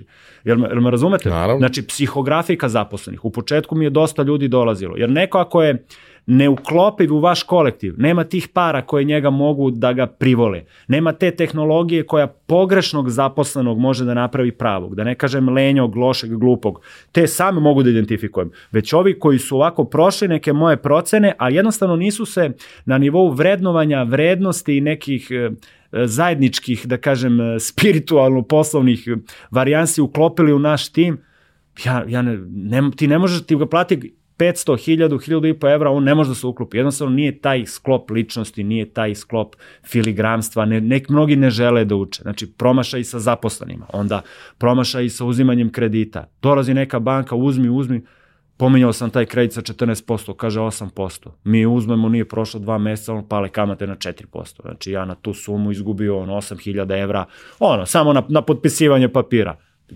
prevarila me banka, bukvalno me prevarila. Mislim, iscrpila to što ja nisam znao šta se sprema i što ja jednostavno nisam obišao sve banke. Ne kažem da sam glup, ali jednostavno oni su, oni su znali šta... Iskoristili trenutak. Tako, iskoristili trenutak i to je legitimno, nema ništa, nisam ljut. Jednostavno naučio sam da sad moram da pogledam sve ponude pa da uzem onu najbolju, jer to me finansijski košta onda naši ispadi po republikama, ne znam, u Rusiju smo mnogo pre ovog sukoba išli, dva, tri puta sam tamo osnivo preduzeća, sve to, da kažem, ljude. To je sve propao. Rublja je devalvirala po 50, po 60% za 2-3 meseca, pošto se ona strkala sa dolarom, stalno je gubila, nama je marža na robi bila 20-30%, to nikako nije moglo da funkcioniše gde imaš zaradu na jakni 20-30%, a u valuti imaš te negativne kursne razlike 30-40%, stalno su me ovaj vraćali i dan danas nikad tamo ništa nismo uspeli da uradimo. Eto, to su neki promašaj, iskusniji sam što više ne idem na tržišta koja ne mogu da kontrolišem, koja nisu, da kažem, predvidiva i tako dalje. Eto, hoću da te pitam još par stvari, ali uh, dotako bi se jedne stvari koja je vrlo važna, uh. -huh. to je da si rekao da je vrlo, da kažem, da si svestan toga da ukoliko nešto želiš da bude urađeno kako treba, da moraš ti da budeš taj yes. koji će to da uradi. Na neki način Za neke umešan. ključne stvari, Tako. jeli? Ovaj, a sa druge strane napravio si firmu koja je mala u broju ljudi, a ima prilično ozbiljan output za taj Tako je, broj ljudi i da. sve, što znači da je to dobar sistem gde postoji ozbiljno poverenje između svih vas i da ti zapravo na te ljude zaista možeš da se osloniš. Ovaj, I e, volao bih prosto da znam, e, št, sa jedne strane imaš tu situaciju da iskustvo te uči da moraš da protreseš kroz prste još jednom sve što, yes. što je bitno a sa druge strane imaš toliko posla i toliko Jest. kompleksan posao da ipak moraš da delegiraš. Kako pomiriš te dve stvari, odnosno kako se uveriš u to da su ti ljudi hajde da pojednostavimo maksimalno da je njima do, dovoljno isto ili više stalo nego tebi do nekih stvari, pa onda mogu da preozmu na sebe. Pa često im nije ni isto ni dovoljno stalo, a često prihvatim tu kao neku nagodbu da je to jedino rešenje te Mander Flamingove trileme, znači da li možeš tri stvari da fokusiraš, te mogu da, pa što tako zove Mander Flamingova trilema, tiče se deviznih kurseva, protoka novca, ali, ali da primenimo istu analogiju, e, niko neće sa tolikom žarom, niko. Od 100 zaposlenih možda hoće 5-6, ali svakako njih 100 neće. Ja razumem da su ljudi takvi. Ja sad poštojem ljude koji žele da kaže ja radim do 4 meni to okej, okay. plaćam te za to što radiš do 4, okej. Okay. Ali uradi do 4 kako Uradi do 4 kako treba i to je to. A pre sam plakao, kako neće da rade do 8, pa da li ovo realno, pa evo vidi ja mogu i do 12, pa šta ima veze čija je firma. Vrlo često ja kao vlasnik manje zarađujem od zaposlenih, vrlo često. Vrlo često se ja zadužujem da bi oni imali zarade. Vrlo, to je neki deo koji oni ne znaju. Meni je pre bilo jako žao zašto oni to ne vrednuju, međutim, generalno to možda i nije neki njihov svet gledanja, a s druge strane, šta on ima da se fokusira na moje menice? Ma nek se fokusira ovaj na kupca, ovaj na robu, ovaj na servere, na taj neki način malo sam ovaj, malo sam tu uspeo da sazrim. Delegiranje. Ja sam delegirao sve što se moglo delegirati. Znači imam automatizovano uvoz i izvoz robe bez mene. A nabavku od domaćih dobavljača, ulistiravanje u sajt, programer održava sve bez mene, ne trebamo ništa ni šifra, ni da me nešto pita.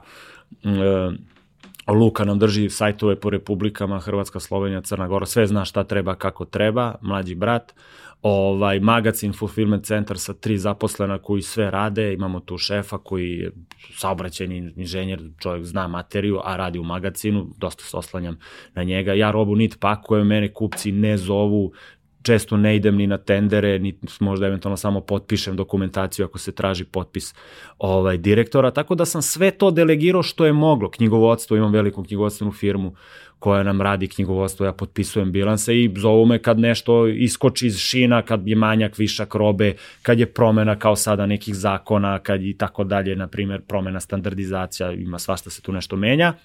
Ali deo koji nisam uopšte mogao ovaj, da delegiram jeste razvoj, bilo da je po dubini, bilo da je po širini i finansiranje novih projekata. Finansiranje novih projekata u smislu nalaženja velikog investicionog fonda, velikog partnera koji će da uleti sa nekim novcem pa da izađemo na bogata tržišta, to ne možete da delegirate. Razvoj, kako ćemo mi sada, da li ćemo video editorijale, razvoj u smislu, na primjer, da nam treba video, video na sajtu za sve proizvode. To je moja odluka. Sprovođenje nije moje, ali taj deo šta nam treba o tome ja, time se ja bavim, googlam, idem na trendove u Americi, u Nemačkoj, kako je, u Australiji, šta je tamo trend. Video sam da tamo ima nekih trendova koji su ovde potpuno nesprovodivi i to mi je baš tužno. Dosta primenjuju AI metode, dosta primenjuju, da kažem, voice search, dosta primenjuju uh, live sales. To je nešto ovde što ljudi ni ne znaju šta je i ne, nesprovodivo je. Mi maksimum te tehnologije koju smo iskoristili jeste taj machine learning, te mašine i programe koristimo uh, alfabetove programe, ByteDance-ove, koristimo Meta Company, isto te machine learning stvari, ali ne, veštačku inteligenciju ne koristimo, mislim, skoro nigde u našem sistemu, a tamo se to koristi. Voice search, mi to nemamo podešeno. Ne znam da li uopšte kupci kod nas poručuju kao... No, niti to radi kako treba na srpskom. Ra, radi kako ne treba. radi, ne radi. Eto, ti si jedno rešenje ne, ne radi da. kako treba.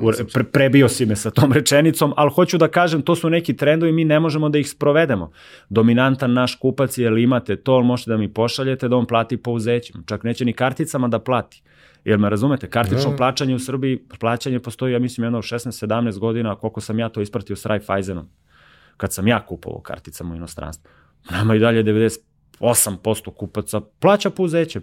Da li on kulturan, nekulturan kupac, ja ne znam, da li on poverljiv, nepoverljiv, ali to se tek tako u praksi se to tako sprovelo. Znači, taj razvoj nisam mogao da delegiram, ali veruj, verujte mi Miniću, sve drugo što je moglo, evo sad, poslednjeg zaposlenog kog smo primili, Ovaj, ja uopšte nisam obavljao razgovor s njim, niti sam raspisao, primio ga je kolega, kaže ovaj nam odgovara, rekao super, ja sam na neki budžet plate koji možemo da izdvojimo za to radno mesto uz bonuse, što se mene tiče, znači čak sam i to ovaj, izbacio. Sad ti bi rekao, u, ovaj pravi gazda, e, ne ide ni na objekata kamalu u firmu, kaže, ne, ne radi ništa. Međutim, ja 10-12 sati radim na kontrolingu, na bilansima, na dobiti, na PDV-u, na tim sistematizovanim podacima. Mesečni PDV nam je ogroman, godišnja dobit nam je ogromna, savetovanje sa regionalnim menadžerima ili isto tu trebaš vreme da proizvedeš na neke planove, da vidimo kuda ide. Da pročitam gomilu literature vezano za marketing, za trendove, to stalno izlazi. Ja stalno čitam te člankove, te neke, aj, zovu i guru i malo glupo ime. To su ljudi koji se bave marketingom u e-komercu. Pratim šta rade strane kompanije, ne znam, Udmija, JD, Zalando, Zapos, pa i Amazon malo. Ima tu materijala za mene koliko god hoćete. Stalno razmišljam kako bi moglo nešto da se unapredi. Znači, nije kao sad ja šetam parkom, hranim golubove, jedem sladoled. Ne, stvarno radim, ali radim na, ove, na razvoju. O, o, vidio si ove rokovnike, to su moji radni rokovnici. Ja tu pišem ideje, zapažanja, e, re, rečenice. Ne želim da mi se desi ono paradoksalno, živi se unapred, a razume se unazad. Znači, ja pišem da želim da razumem unapred, i da ne živim brže od svojih mogućnosti. Eto, i koristim vreme maksimum. Subotu radim isto. Kaži mi još jednu stvar vezanu za Military Shop i onda ću malo da te pustim od Military Shop. A to je, e, vi ste redak primer, posebno redak primer za mali Da, sistem, apsolutno da. e, da je prisutan na više tržišta Jest, jest. regiona.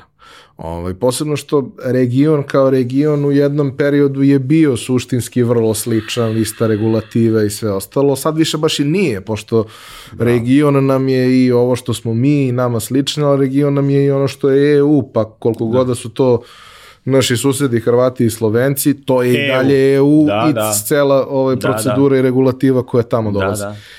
Kako ste izašli na tržišta i šta su bile specifičnosti koje ste morali da ono, naučite usput? I, sa, u internet komercu taj neki izlazak na ta tržišta je lakši nego, na primjer, Adidasu da otvori shop radnju u nekoj Knez Mihajlovoj u Zagrebu, u Sarajevu i tako dalje. Znači, mi smo setovali sajtove, podesili jezike, prekopirali artikle, vodili računa o hreflangu, Googleovom motoru, da nam, pošto su nas i tu kažnjavali da smo sami sebe kopirali praktično, sve nas je ovaj stiglo.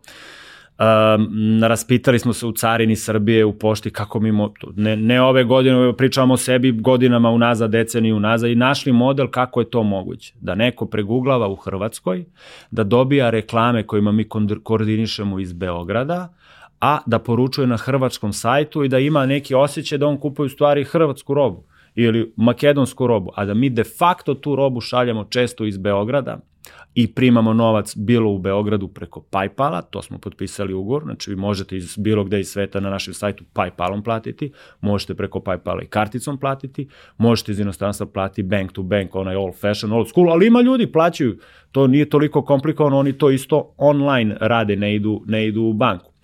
Uh, pošto smo neke pretpostavke da Jugoslavija ima ista očekivanja, istu preferenciju robe i isti jezik, ili makar sličan. I za sada smo imali taj neki uspeh bar u tom smislu. E sada, cenovna politika nam nije ista, negde neka roba ide više, negde neka roba ide manje. Tu učimo kroz vreme, to je praktično nemoguće saznati unapred u nekom istraživanju da li sad u ovoj republici više unapred ide nečega.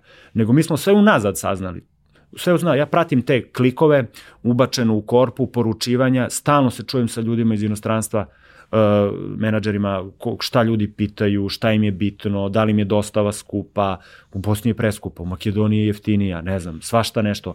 Zakonska regulativa negde je slična, negde je skroz različita, negde su kuričke službe za jedan dan, negde su za 6-7 dana i negde je to normalno. U Makedoniji kažu 3-4-5 dana isporuka, kažu u redu je, od u Srbiji sve preko dva dana, još vikend ako ih zgrabi, e, ludnica je. Naprimer, Hrvati su navikli, pošto oni sad iz Evrope naručuju, onda su navikli malo i da sačekaju, pa kao ajde može.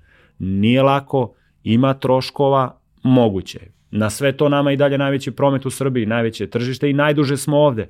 Ali mi je bitno da smo mi sad tim izlaskom na te republike, nismo mi tamo pare napravili. Mi smo dokazali da je to moguće to mnogo više vredi nego da si pare dokazao. Jer ja sad sa, sa tom nekom republikom, Bosnom ili Crnom Gorom, ja nisam dokazao neke, mala je to zemlja, mali broj kupaca, ali meni e, proof of work tu bita. Ja sad mogu Nemačku da otvorim, Španiju, Japan na taj način.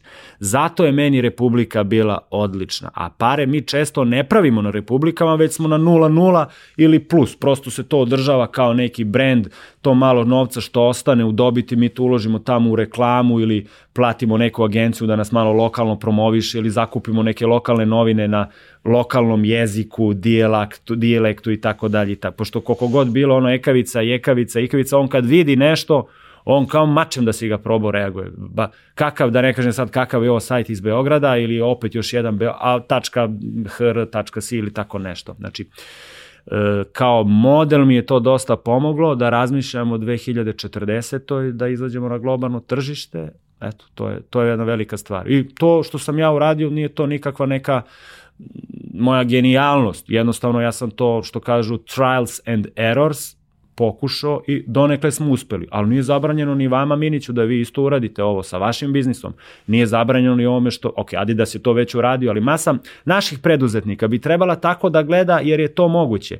Možda, su, možda je njima mogućnije nešto drugo da urade. Ok, lakše je da prodaš neku aplikaciju Viber ili pa da to ide glo, globalno, na primjer Apple je lakše i dolazi iz Amerike ovim nekim aplikacijama što ono kao skineš ih na telefon, to je lakše, ali ajde s robom nekom, nekim konceptom. Naš koncept je da smo na jednom mestu skupili sve u Srbiji što postoje od military shop opreme i da ti ako kupuješ kod nas, ti ideje da ti nemaš neku potrebu drugde da ideš. E to sad hoću da prodam u nekoj Francuskoj, Španiji, Nemačkoj, ako bude bilo moguće. Pokušat ćemo, pošto mi nemamo nekih grdnih para da odemo tamo, pošto idemo iz siromašnog tržišta na bogatije, po mom biznis planu ideja je da dođe strani partner ili strani fond koji će da uloži XXY eura i da čeka 2 do 12 godina, znači treba mi ulagač s kakvim ja mogu da radim biznis. Ne neki ulagač koji, meni je pošteno da neko želi da izađe za dve godine, ali mi za dve godine ne možemo da razvijemo nemačko tržište, jel me razumete? Mi, na primjer, imamo slovačke čizme, ovi ljudi kažu, vi ste neverovatni koliko prodajete čizama kao Češka i Slovačka zajedno u maloj Srbiji,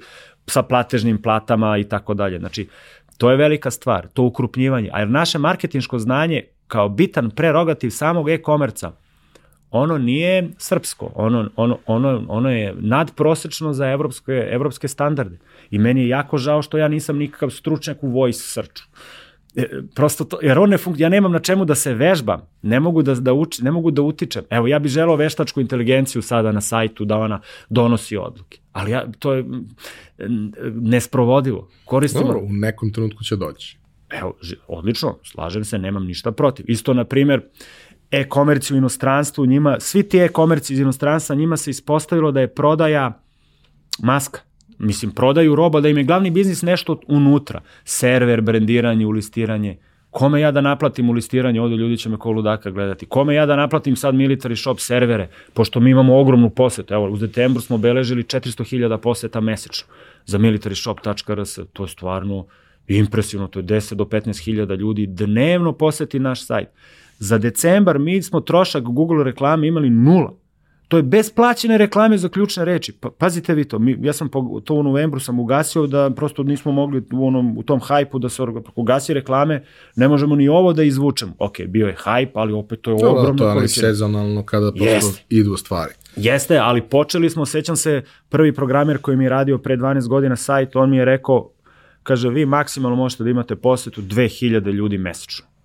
Kaže, no kako bre 2000? Kaže on, pa to ti je mala niša grupa, militari tipovi, to su ti fanovi ko ti i ja, nema takvih mnogo. Ja rekao, oj, kontam, ajde 2000 kup, kupaca koji nije loše. Međutim, sad smo došli samo u Srbiji na 400.000 poseta mesečno, to je za decembar. I sad će možda malo da padne u januaru, ali nikad nismo i bili ispod 250.000 i u najgorim mesecima, onim letnjim, što je ipak impresivno za jednu malu zemlju od 5-6 miliona, gde smo ipak mikro niša, military shop site, gde nemamo neke milionske resurse za neke mega billboarde, nismo, nismo osnovani u offshore zoni, ne stoje nikakvi tajkuni iza nas, ne delimo neke basnoslovne, da kažem sada, kao headhunting, pa kao neko ima neku ogromnu zaradu, pa on kao radi u military shopu. Znate, ja nemam te resurse. Ja moram da probudim strast kod kolega, ja moram da im probudim motivaciju, ja moram da se povežem s njima na nivou vrednovanja, verovanja, na nivou neke, neke priče. Prosto ovaj, kompanijetine nemaju uopšte potrebu to da rade, iako pričaju da to rade. Ja ne znam da kad radite u Pepsiju, na primjer, kako vi strast delite? Šta, šta je tamo strast? Prodaš milion Pepsi flaš, šta je tu strast? Za ono ko, ne, ne razumem. Ili radiš u nekom multina, šta je tu kako si ti tu deo tima? Ja uopšte ne vidim kako si deo tima. Mislim, ako nađeš menadžera koji uspe u tebi da pobudi strast, taj menadžer treba da ima najveću platu u toj, u toj firmi. E, e, to je tvoje mišljenje, pa, tako? Da. E, e, znači, nadovezuješ se na otprilike ovo što sam ja rekao. E, da li mi zato što smo mali, ja te sve moje zaposlene lično znam, znam im porodice, vidim gde, mislim, ne obilazim ih, ali gde sede, znam kako dišu, kad su odmori, šta, prosto mi dišemo kao jedan organizam i to izvukli smo sve prednosti military shopa kao jedne manje firme, koja će sada da se širi, ali širit ćemo se samo koliko možemo, samo koliko budemo mogli da kontrolišemo metodološki koliko možemo mentalno da ispratimo. Znači, Sistemski, jasno. Ja uopšte nisam ljubomoran da moram ja da se pitam. Evo, sve se ti pitaj, ali po ovom pravilniku. Ali samo da možemo da držimo taj nivo usluge, taj nivo kvalitete. Jer mi smo cena puta kvalitet puta usluga. Šta je usluga? Dostupnost, vraćanje, plaćanje, zamena, nova, čista, originalna roba. Mi vraćamo robu na na ne sviđa ti se roba. Ne treba vam garancija, ne treba vam jer mi je isteklo 14 dana. Mam vrati za godinu dana ako je nova, imam na 500 jakni, tvoja jedna baš će da me ošteti. Valjda mi je bitnije da budeš srećan. Pokušavamo da se povežemo sa ljudima, da su oni deo tima, da su oni, da su oni military shop stil, da je to njihov good looking, da oni, da oni prosto se bolje osjećaju, kao što ja nosim modela i košulje, pa kao mislim o sebi da sam mnogo bitan, tako neko, na primjer, može da nosi neke taktičke pantalone ili neku vijetnamku ili one fancy rančeve vojne, ali se koriste, no vidim, dolazem, majke nose deci ovaj u, da kažemo, u obdanište, imamo embleme zastava Srbije u P60 nijansi, to ovako vrlo interesantno, ljudi to kupuju, šiju, lepe, pečuju, eto ovako, ovako je interesantno, brendiranje Srbije kao republike. A kaži mi, taj deo koga se još nismo dotakli, ovaj, a to je pravljenje sobstvenih proizvoda. Jer prosto jedna stvar je kad ti uzimaš uh, mm -hmm. nešto što je potvrđeno, pa i u nekim slučajevima kad ti pronalaziš nešto što je dobro, a da, ljudi da. ne znaju da je dobro, ali tebi veruju pa će mm -hmm. se mhm. samim tim to prodavati, ali to sve suštinski podrazumeva da ti uzimaš nešto što neko već pravi. Tako je, Možda da. će eventualno nešto specifično napraviti mm -hmm. za tebe, ali mm -hmm. neće niko praviti mm -hmm. novu liniju proizvoda mm -hmm. samo zbog tebe kao mm -hmm. distributer. Mm -hmm. A nešto fali, vidiš da nešto fali, mm -hmm. vidiš da to treba da postoji i sada to mora da bude dobro, to mora da bude pouzdano, to mora da bude, mora da bude kako treba. Mm -hmm. I ti si trgovina, ne možeš ti to da napraviš, da bi napravio ne znam, svoju proizvodnju. Ne znam, bre, Kako izgleda taj proces, mm -hmm. ono, pravljenje nečeg novog što ti treba? Evo ovako, mi smo u zadnjih 10-12 godina, jedno 5-6 puta pokušavali da brendiramo nešto made by military shop. Da li to majica, logo, pasač, pantalone, nijednom nismo uspeli. Znači, baš sam ono menjao inženjere i modelare i tkanine i robu. Ja nisam to ni jednom uspeo. Ja sam odustao od toga. Ali po istoj analogiji sam se fokusirao da nađem domaće biznise čija je obsesivna fokusiranost na njihov proizvod pantalone, opasač, futrola, resursi za pancir, prsluk i naš sam jedno 10-15 doma, čizme, domaćih firmi koji se samo bave kako da imaju svoj perfektan domaći proizvod. Doduše, prodaju ga pod svojim brendom na našem sajtu, ali ja to doživljavam kao da je to moj proizvod. I prosto našao sam tu neku sinergiju, ako već ja ne mogu da rodim, daj bar da se ožarim sa ženom koja to može. Eto, to mi je bila neka ideologija i sve te i neke pantalone i rančeve i jakne imamo domaće, ovaj, tretiram kao svoje proizvode, ko da sam ja učestvovao u nekom njihovom kreiranju i građenju. Eto, na taj način sam to uspeo da rešim. A sami mi nismo uspeli. Moje neko mišljenje je da u Srbiji za prosječnog kupca 10 puta je lakše prodati strani brend, ne znam iz kog razloga, nije cena, nije kvalit, nešto ima u nekoj karmi što mi više vrednujemo ako je to neki Pentagon brand, ako je to neka Artra, nego da je nešto domaće. Ove desetak firmi od 110 koje mi imamo kao dobavljača, tih desetak domaćih su uspeli da iznarede nešto stvarno made in Srbija.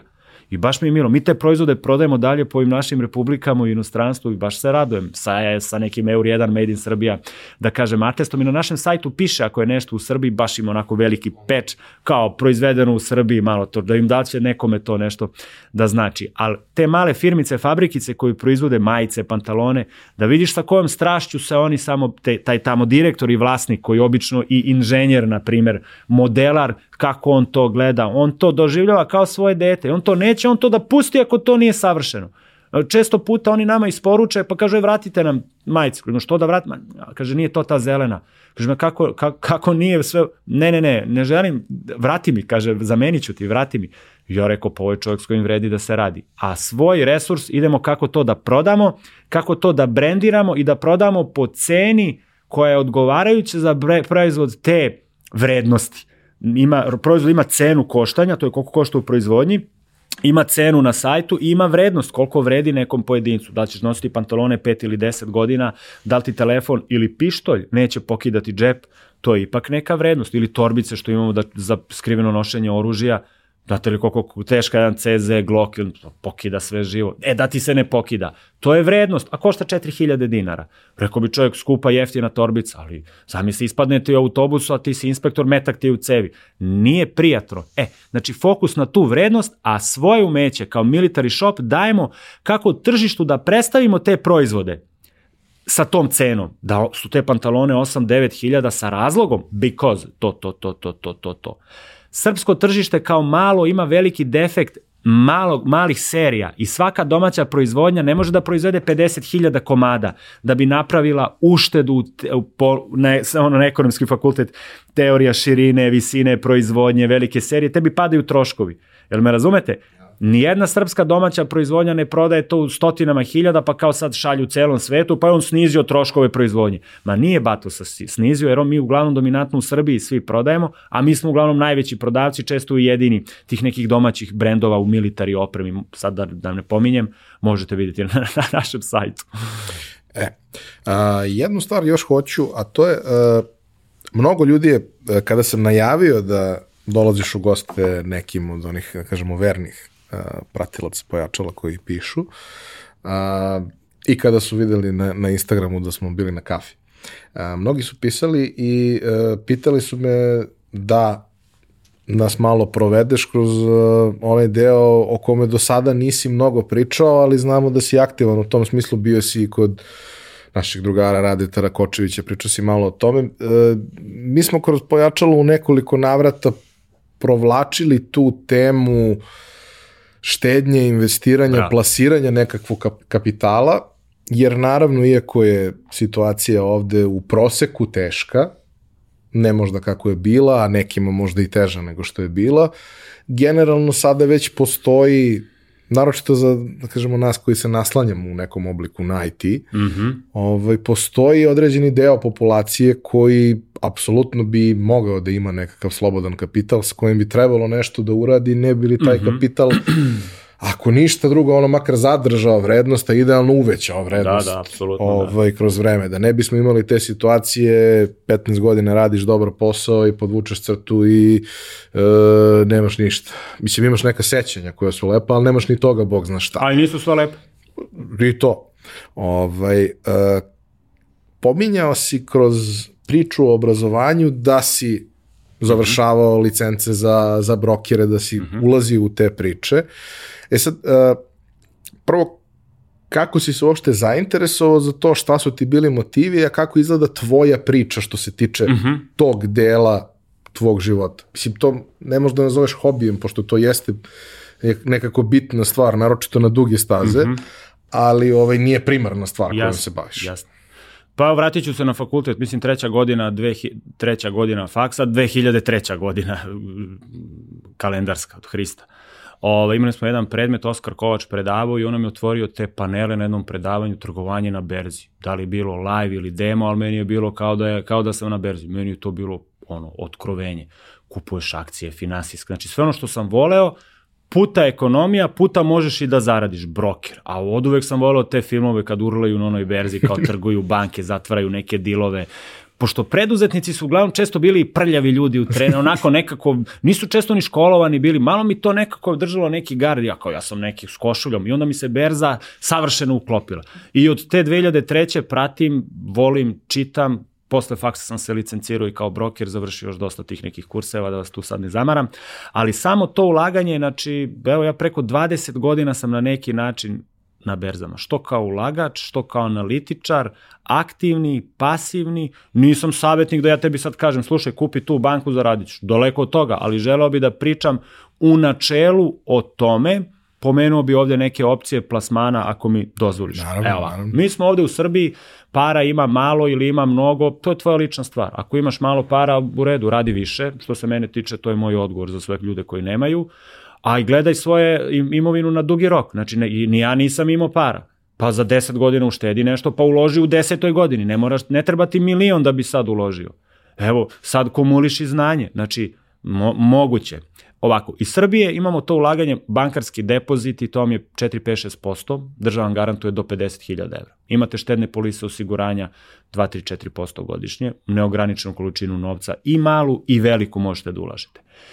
Ja sam radio jednu analizu na tržištu Srbiji, baš kolega Nenad Gujaničić, divan čovek, on je isto radio ovaj, u zadnjih 10 godina, kako je, koji tip ulaganja za Srbe donosio, za Srbe što nam je sve dostupno. Evo, te nekretnine su za 10 godina donele zaradu 80%, dinarski depoziti 110%, eurski depoziti 12%, uh, me pratite, ulaganje u zlato je donelo što na zlatu, što na rastu kursa dolara oko 30% za 10 godina i Bell Aikula, američka berza, kroz indekse donela je oko 180, odnosno 270% 180% nominalno, plus efekat jačanja dolara u period, znači 280% si dobio za 10 godina ulažući u američku berzu, što je, mislim, impresivno. Kaže, nisam brokir, ne moraš biti brokir da bi kupao akcije, Aha, a nisam ni u Americi. Pa dobro, ja znam da si ti bio u Teksasu, ovaj, ali ne moraš biti u Americi da bi kupao američke berze. Možeš u Srbiji da odeš kod bilo kog brokera, lista brokera se nalazi na sajtu berze i tamo i lista i banaka, pa potpišeš ugovor sa bankom da vođenje tog namjenskog i kastodi računa. Kad deponuješ pare na račun, kupuješ akcije na berzi. Pa kao da li ću znati šta ću, imate gomilu kursora u Srbiji, Radi Rakočević ima jedan odličan kurs, svi koji su početnici mogu kod njega za male pare, mislim da je čak i besplatno da se informišu kako to izgleda. E sada, ima ljudi koji imaju pare, ali ne znaju kako da ulože, ima ljudi koji imaju pare, znaju, ima ljudi koji nemaju pare, ima ljudi koji misle da je berza prevara. Pa kažu, pa berza je propala. Izvini, kad je berza propala? Kaže, propala je 29. Kažem ja, pa kako sad postoji ako je tad propala?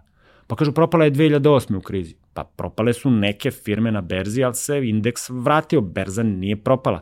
Pa propala je, kaže, sad je bila valutna kriza 2001. Da, bila je, propale su valute, bilo je inflacija, neke firme su propale, neke su se obogatile. Što, što će reći ti da si kupio indeks, to, to je korpa kvalitetnih akcija i da si je držao dugoročno, ti bi svaku ovu krizu iz peglu, uključujući onu iz velike depresije, iz naftni šok 71. i valutnu krizu i dot-com crash i COVID 2000, kad je bio 20. i ovu sad poslednju, poslednje klecanje zbog ovog, da kažem, sukoba. Ako držite te indekse. Ono što bi bilo možda interesantno reći i, i tebi, vama, Miniću i gledaocima, imate sad te neke portfolije kako, gde, kako sortirati. Evo da počnemo od najstabilnijih biznisa. Coca-Cola, McDonald, Palmolive, Colgate, Johnson Johnson's, Citibanka, JP Morgan, Pfizer kompanija, Rio Tinto ozloglašeni. Ima ih gomila. Realty Income, američke kompanije koje orijentiraju američke nekretnine. Tu su vam prirasti, tri tipa prirasta. Imate dividende, 2-3-4% godišnje, imate prirast cene kapitala, 2-3-4% godišnje, imate efekat jačanja dolara kroz vreme. Jeste, štampa se dolar, ali on ipak jača često kroz vreme u odnosu na ove neke druge valute. I to vam je otprilike 15, 12, 8% godišnje, upravo se gađa na ono vaše što ste rekli da sačuvate vrednost tog novca koji vam je kući ili vam je u nekom biznisu kao mom gde se zarobio u zalihu pa će svojih 10.000 dolara da prodam za 5.000 dolara ili mi je negde kod nekog kuma brata koji mi ulaže u neke ono fore da zaradim 1000 puta, ali imam isto toliku šansu da izgubim 10.000 puta. I onda je to praktično kockanje. Svima bi savjetovao da pogledaju akcije koje isplaćuju dividende. Dividenda je zarada kompanije na kraju godine koja se distribuira vlasnicima, odnosno akcionarima. Pogledajte na Google Dividend Kings i Dividend Aristocrats. To su setovi kompanija koji 30, 40, 50 godina u nizu postoje, isplaćuju dividende da kažem, i donose prirast vlasnicima tih akcija. Njih možete da kupite vrlo lako. Cena tih akcija košta od 20, 30, 50, 60 dolara. Znači, e, da ih sad ne nabrajamo, mislim da ima neka i za 15-20 dolara. To je 2-3 hiljade dinara. Valjda možete da kupite jednu akciju neke kvalitetne firme, da ih sada ne nabrajam. I tu su vam, to je ono capital preservation strategy. To je od, odlično, to bi bilo odlično. Treba kupovati biznise, na primjer, ja sam uzao u Nemačkoj Deutsche Telekom, i Adidas, smatram da oni drže nemačko tržište, da su to perjanice Evropske unije, da tamo imigrantsko područje, da ljudi tamo dolaze, useljavaju se, ko dođe dobije karticu, dobije patike, dobije internet, to i Deutsche Telekom isplaćuje dividende, raste, odlična priča. Za, za nekoga ko ima pare s kojima ne zna staći. Takođe, istakao bi još jednu bitnu stavku, tolerantnost na rizik i dugoročnost. Koliko vi dugo možete, evo recimo da je ulaganje milion dinara, koliko vi možete bez milion dinara da budete Miniću? Vi verovatno trajno, pošto ste biznismen, menadžer, dugo ste u tome, ali ima ljudi kojima pare trebaju na godinu, dve. Ako vam pare trebaju za godinu, dve, nemojte da idete na berze, jer ona ima fluktaciju gore i dole u kratkom vremenskom intervalu, ali u dugom intervalu ona ima onaj compounding interes gde se ona stalno uvećava kroz vreme, iako na granici, na grafiku bi ona išla gore, dole, gore, dole, gore, dole. Možete da kupite neke akcije koje su lukrativnije, AMD, Tesla Motors, Netflix, ne znam ni ja, Nvidia, MSCSS, prave čipove. Znači oni mogu brže više da rastu, mogu brže više da padnu. Ko je spreman za tu tip, taj tip rizika? To je taj neki srednji sektor. I treća grupa tih kompanija, to je small cap kompanije koje mogu bukvalno 15, 20, 30 puta da skoče za 5, 6, 10 godina. To je impresivna i invazivna zarada. Ne znam da li se sesate, se, sećate ovih današnjih kompanija, Microsoft, Google, Meta, e pa one su sve nekad bile te male firme koje su tako ogromno i brzo rasle. Možete da vidite na Yahoo Finance, uzmite one grafikone na Max, istorijski, da vidite koliko im je bila početna cena, pa koliko se ne posto, nego puta povećala, 200, 300, 400, neke čak i po 500 puta, ali su brand, highly recognized, worldwide kompanije. Naravno, ne, ne uspeju sve, neke i propadnu, ali bitno je za vas kao ulagača da imate priliku da uložite. E sada, tolerantnost ka riziku. Vaša supruga, moja supruga, vaš, vaš roditelj, moj roditelj, vaš kum, vaš drug, nemaju svi istu sklonost. Neko ko mnogo zarađuje, on može mnogo da potroši. Neko ko radi u opštini, on, on je intolerantan na, na rizik. Iz vaše knjige, evo vaš otac je tip ulaganja, tip ulagača koji bi trebao da drži konzervativno ulaganja, depoziti, osiguranje i Deutsche Telekom. Va, tip ulagača vaše majke je tip koga ne može da nateraš ni dinar da uloži. I ima takvih ljudi, treba reći. Vi ste tip ulagača, da se ne ljutiš ništa, E, život je ili smela avantura ili baš ništa posebno, ja ih tako zovem. Vi možete da preuzmete veći rizik, vi možete da kupite neke kompanije, farmaceutske kompanije, možete da kupite, one su poznate da imaju brzi rast, možete da kupite neke nove tehnologije.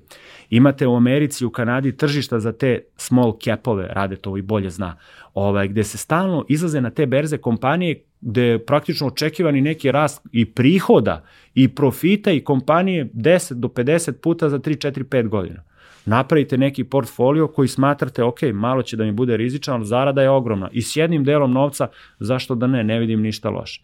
Da ljudi ne misle da je to sve jedna lepa bajka priča, ja ću vam pričati malo i o svojim promašajima na berzama. Mogu samo jednu Naravno. stvar da se uključim. Mislim, mislim da je jako važno da, da naglasimo dve neke stvari. Mm -hmm. Prva je da, kao što si ti rekao, uh, vreme Tako je, je ključno. Znači, Tako razmišljati je. o tome da je to u suštini nešto što treba gađati na period od 10 i više godina, a to više je ono gde se zapravo pravi razlika. Tako je. To je i Vukašin pričao kad je bio ovde. Vukašin da to, Microsofta. Tako znači, je. 10, 15, 20, 25, razlika je drastična a ispod 10 suštinski... Možeš da imaš sreću ili ne moraš. Naravno, ali ja to vrlo često poredim sa onim da možeš novac da napraviš i u kladionici ako imaš sreće. A ako gađaš male kvote, možeš i dalje da napraviš novac, Tako ali je. mali novac. Tako je. Ovaj... Ovaj, prvo to, a drugo, uh mhm. -huh. ono što si isto pomenuo, ali samo si se dotakao, ali nismo možda mhm. -huh. više pričali, to je diversifikacija portfolija. Bravo. Jedan deo novca uloži u ono što je rizično, je. drugi deo novca uloži u ono što je manje rizično da ga čuvaš. Jeste da ga čuvaš. Da ga braniš na neki način. Tako je, tako je. Znači za, da kažem, za, za hiljadu, din, hiljadu, ajde da kažem, milion dinara neka cifra, da ljudima izgleda kao da je investiciona, da je realno dostupna za nekoga. Ajde, okrugla to, da je što bitno da, da se lakše jeste, se Jeste, jeste, a i za nekoga ko ima biznis od, ne znam, 5, 10, 15 miliona ili možda možda ima milion dinara za ulaganje. Vi možete da ulažete i kao firma i kao fizičko lice. Znači, portfolio ulaganje to praktično znači procenat vaše imovine ide na sigurne varijante, a procenat ide na rizične, a ostali deo je u kešu ili u depozitima. Keš depozit je odličan jer on osim prirasta od 5%, sklanja pare iz kuće da ih ne potrošite i daje vam šansu kad neka dobra kompanija, kad izgubi vrednost da je dokupite. Na primjer, mislim da je Adidas sada potcenjen, mislim da je Jumija Nemačka potcenjena, mislim da je Zalando potcenjen. Sad, možda je bilo loše neki depozit razročiti pa kupiti te akcije, jer su bile po 3-4 puta veće u ceni pre 5-6 meseci, a praktično ništa im se nije fundamentalno desilo u kvalitetu robe, zaposlenih, menadžmenta i tako dalje. Uh, velika većina svih savjetnika, brokera, bankara je da imate portfolio. Jedno 10-15 portfolio, znači da vršite raspodelu po rizicima. A određeni broj ulagača smatra da ako nađeš sigurne kompanije, nemoj uopšte da vršiš diversifikaciju. Veži se za 3-4 firme. Dobro, i to nije Tako. jedna. I to nije jedna, apsolutno da. Ali, na primjer, za nekoga kao ja ili kao vi, ko ima biznis, vi možete i za jednu da se vežete. Jer je vama to portfolio u odnosu na biznis, gde su ti misli, vreme, gomila novca, ra, radni čas, radni učinak. Takođe, nije realno sad očekivati, evo ja radim u military shopu 10 sati dnevno, ja tu zarađujem, ne znam, 20-30% na robi. A ovamo kad uložim na berzu gde nit radim, nit ulažem, nit da ulažem, ali nit idem tamo na sastanke, nit me zovu kupci, kao očekujem isto toliko. Pa, znaš, pa nije realno baš.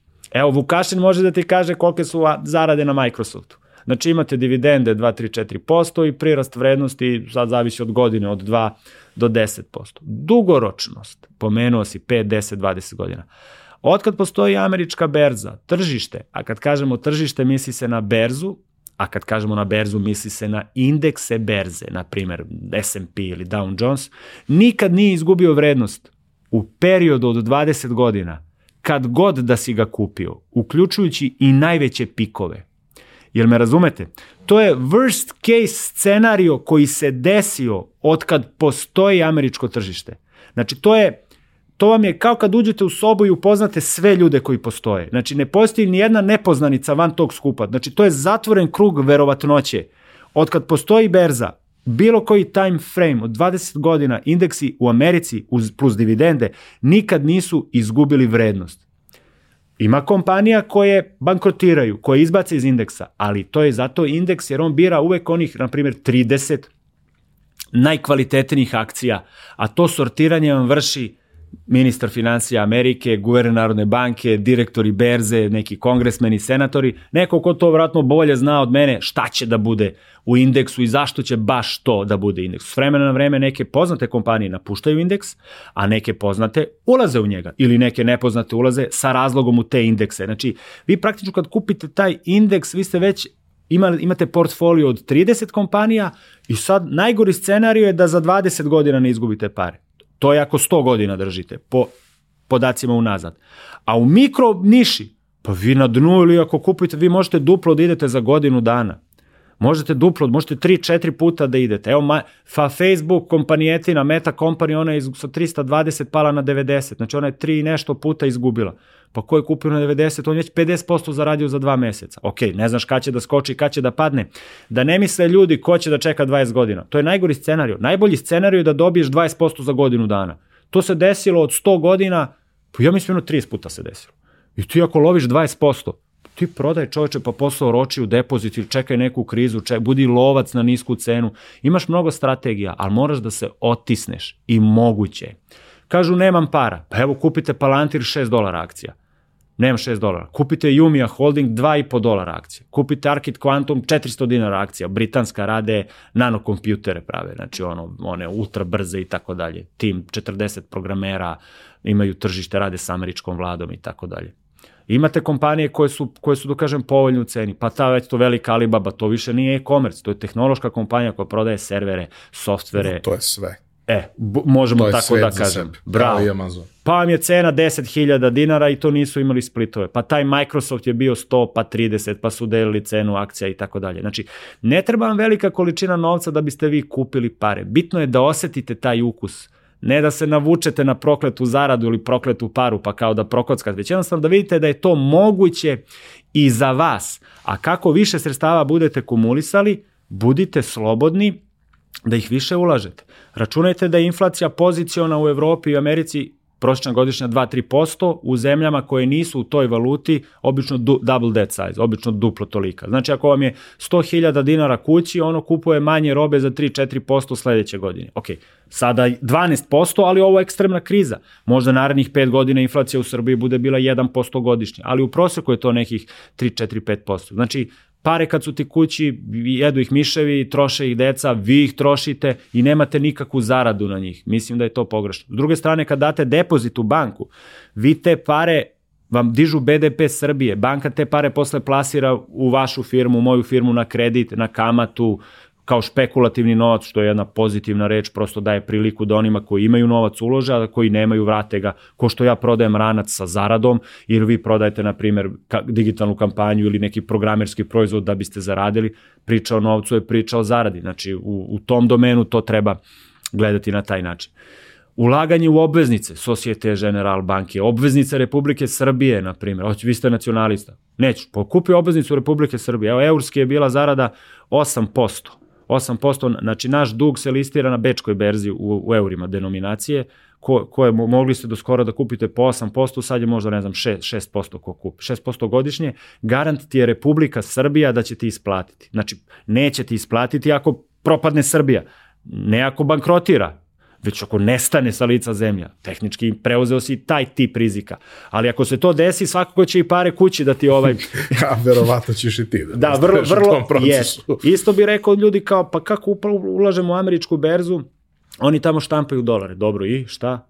Pa dolari se štampaju u velikim recesijama i krizama u Americi ovaj, da bi se podstakla kupovna moć ljudi, jer ljudi se u krizama plaše da troše i onda moraš da im ubacuješ novac da bi trošili. Kako oni tamo i sve da vide da ta potrošnja se stabilizuje, oni polako dižu kamatne stope i umotavaju one dolare i skladaju ih u rafove. Znači oni štampaju dolare, ali ih i povlače. S druge strane, Amerika kao neto imigracijono područje, 300, ajde zaokružim, 40 miliona ljudi, ona i dalje raste populacija. Pa za više ljudi treba vam više, čega, pa dolara. Nije sad bitno da su digitalni dolari ili su, da kažem, u hard kopiju, ali oni to zbrajaju u tu novčanu masu M1 i ona se štampa i gubi vrednost, ali to razvija BDP Amerike ne u nominali, nego per capita. Mi, mi to ne razumemo. Znači, nužno štampanje valute nije loše. Drugo, to je imperija zemlja, rezervna valuta za mnogo što šta i mnogo gde. Mislim da je jedna stvar tu isto važna, nisi se dotakao, ali uh, e, siguran sam da, da imaš negde u, u, u glavi dok ovo pričaš, a to je da ukoliko hoćeš da se baviš time, a da se baviš time redovno, da pratiš, da odam, to zahteva vreme mm -hmm. i mhm. posvećenost, što je u principu nešto što većina nas nema. Tako je. I ukoliko to radiš, uh, ti na nivou dana, nedelje, meseca možeš da imaš fluktuacije koje su jako velike. I bole i većina ljudi sa kojima sam pričao u vezi sa tim, a i ja kada sam se razmišljao o svemu tome i ulazio u tu priču, uh, su mi rekli otprilike ono, uh, uradi to i baci pogled svakog meseca ili svaka dva meseca. Jednostavno yes. nemoj da gledaš češće od toga jer postoje fluktuacije koje će period od samo mesec dana normalizovati. Mm -hmm, mm -hmm. Ali ćeš ti da odlepiš kad uđeš i vidiš da je nešto Jest. izgubilo vrednost 10% za jednu noć. Tako I gledat ćeš kako Bravo. da rešiš to, kako da pobediš. Tako je. A ta trka za pobeđivanjem je užasno teška i naporna i mm -hmm. sameljete. Uvučete i sameljete, a mi nismo ljudi koji se samo time bave. Da. Čak sve više i ljudi koji se samo time bave se time ne bave na taj način. Na kvalitetan način, da, da, apsolutno da. To što ste vi rekli Miniću, dotakli ste se u srce i dušu ulagača. On je temperamentan i to je ekstremno veliki problem koji je pravilnost kad se spoji čovek, ulaganje i očekivanje. Temperamentnost je pravilnost. Naučni metod kaže da kad zarađujemo, radujemo se dva puta, a kad gubimo isti iznos, pravi bol 20 puta veći. Budite hladan ulagač. Ja sam hladan ulagač. Meni je potpuno svejedno da li će sve moje akcije, uključujući Microsoft, sutra, bukvalno sutra, da vrede nula sa šansom od 100% da nikad više se ne povrate. Ne zanima me. Znači, to je meni, uložio sam broj da zaradim broj. Meni su misli na porodici, imam troje dece, meni su misli u biznisu, to je moje delo. Ulaganje, ja sam pasivni ulagač, ja volim da zaradim, volim 10 puta da zaradim, dnevno, za 10 godina 20%, i to volim, ali neću da stradam. Probajte da izgradite vašu ličnost, vaš temperament, da vas ulaganje, kad se desi pad, gubitak, ne dotakne. Ja se sećam kad sam kupio City banku 8. ili 9. pala mi 100 puta cena, sa 90 na dolar. Pa sam bio očajan, sve sam izgubio. Onda sam u Beogradskoj berzi kupovao AIK banka, Agrobank, tu su otišlo u stečaj, AIK banka nije, ali je pala cena sa 12.000 na 2, Agrobanka sa 14, Metals banka, te banke više ne postoje, sve sam izgubio čoveče Boži. Skoro mi se desilo, kupio sam dve firme, Kala Pharmaceutical, cena pala 300 puta. Ok, trepno nisam. Znači, broj koji mi je vredao 1000, sad mi vredi 3,5. Triteras, Mislim da je 400 puta pala cena te akcije. Ali mene to ne dotiče, meni je to broj kao kupio kupac, ranac, vratio pantalone, još jedan fan kup, gleda na sajtu, nije kupio. Znači morate da budete investitor tog tipa. Ok, imao sam i one gde sam zaradio dosta da ne bude zabune, sve su ovo bile rizične kompanije gde je postala ogromna šansa da će da se neki njihov ne, dobro, slučaj... I, I to što ti kažeš je statistika. Apsolutno da, apsolutno da. Ali gledanje berze svakodnevno, ono je u redu da se informišete ako to ne utiče na vaš redovni život, privatni, poslovni, na vaš san. Ako će vas da peče gubitak preko noći od 2, 3, 5 hiljada eura, dolara, da vi ne možete da pričate sa suprugom, da vi ne možete sutra da ustanete u 6 ili u 8, zbog toga, onda to nije vaš, vaša šolja čaja. On, onda ćete vi na tom tržištu više da izgubite čak i da zaradite u novcu. Ja, I zdravlja i svega. Svega, to vam je kako, kao uživa na sportu, ali jede ono kolena, jede zglo, znači to jednostavno promeni sport. Idi na waterpolo, na primjer ja sam imao velikih problema, pa sada vas ne masiram, ovaj, to morate da uskladite kao pojedinac i tu vam nijedan finansijski analitičar, broker ne može pomoći. To koliko vi plačete ili se radujete ili se nervirate ili koliko trpi vaše okruženje. Na kraju krajeva imate te interesantne platforme Bloomberg, CNBC, ja pratim, napravite vaš portfolio, pratite te akcije, gledajte ih dnevno, mesečno, tromesečno i zavetujte se da ih nećete prodavati u nekom periodu od 5 godina, 7 godina i probajte da ovladate svojim temperamentom da ako to izgubi vrednost da vi ste i dalje vi i dalje jurimo klijente, jurimo biznise. I bitno je da ne uđete sa celim svojom, ako ste već ušli u berzu sa celom imovinom, kao ja, tri puta za redom. I sve izgubili, ali ja nisam ušao dušom i telom i mislima, ja sam samo pare izgubio. Ne zanima me. Pare su uvek pogrešna meta ako je to ono čime se bavimo.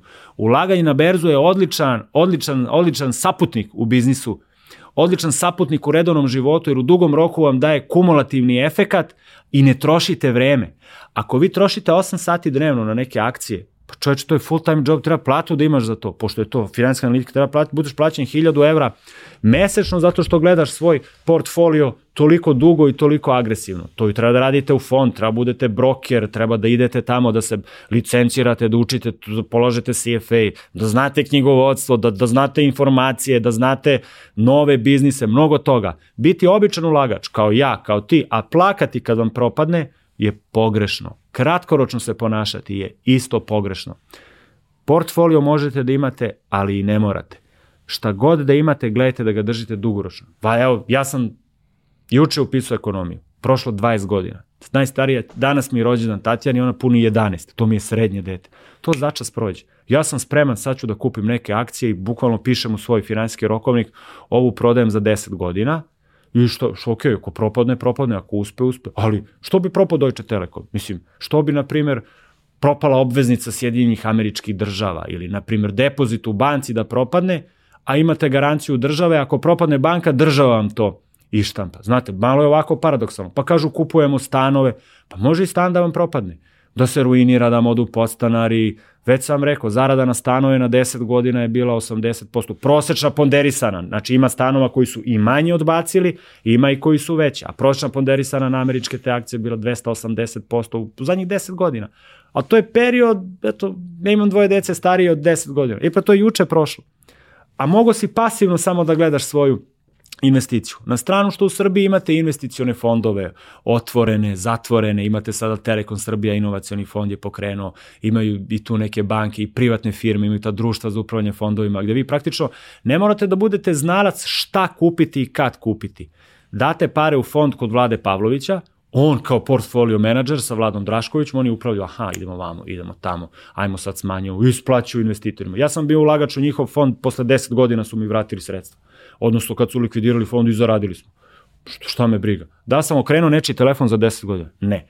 Da sam se žalio? Ne. Da sam pratio te akcije? Nisam čak ni pratio. Radio sam svoj posao, učio sam, širio sam porodicu, razmišljao sam o biznu, biznisu, ok, išao na putovanja, sad moj posao nije toliko vezan, možda, je vaš više vezan, pa na taj neki način, ali možete pasivno da zarađujete, za slučaj da imate pare koje su vam kući, za slučaj.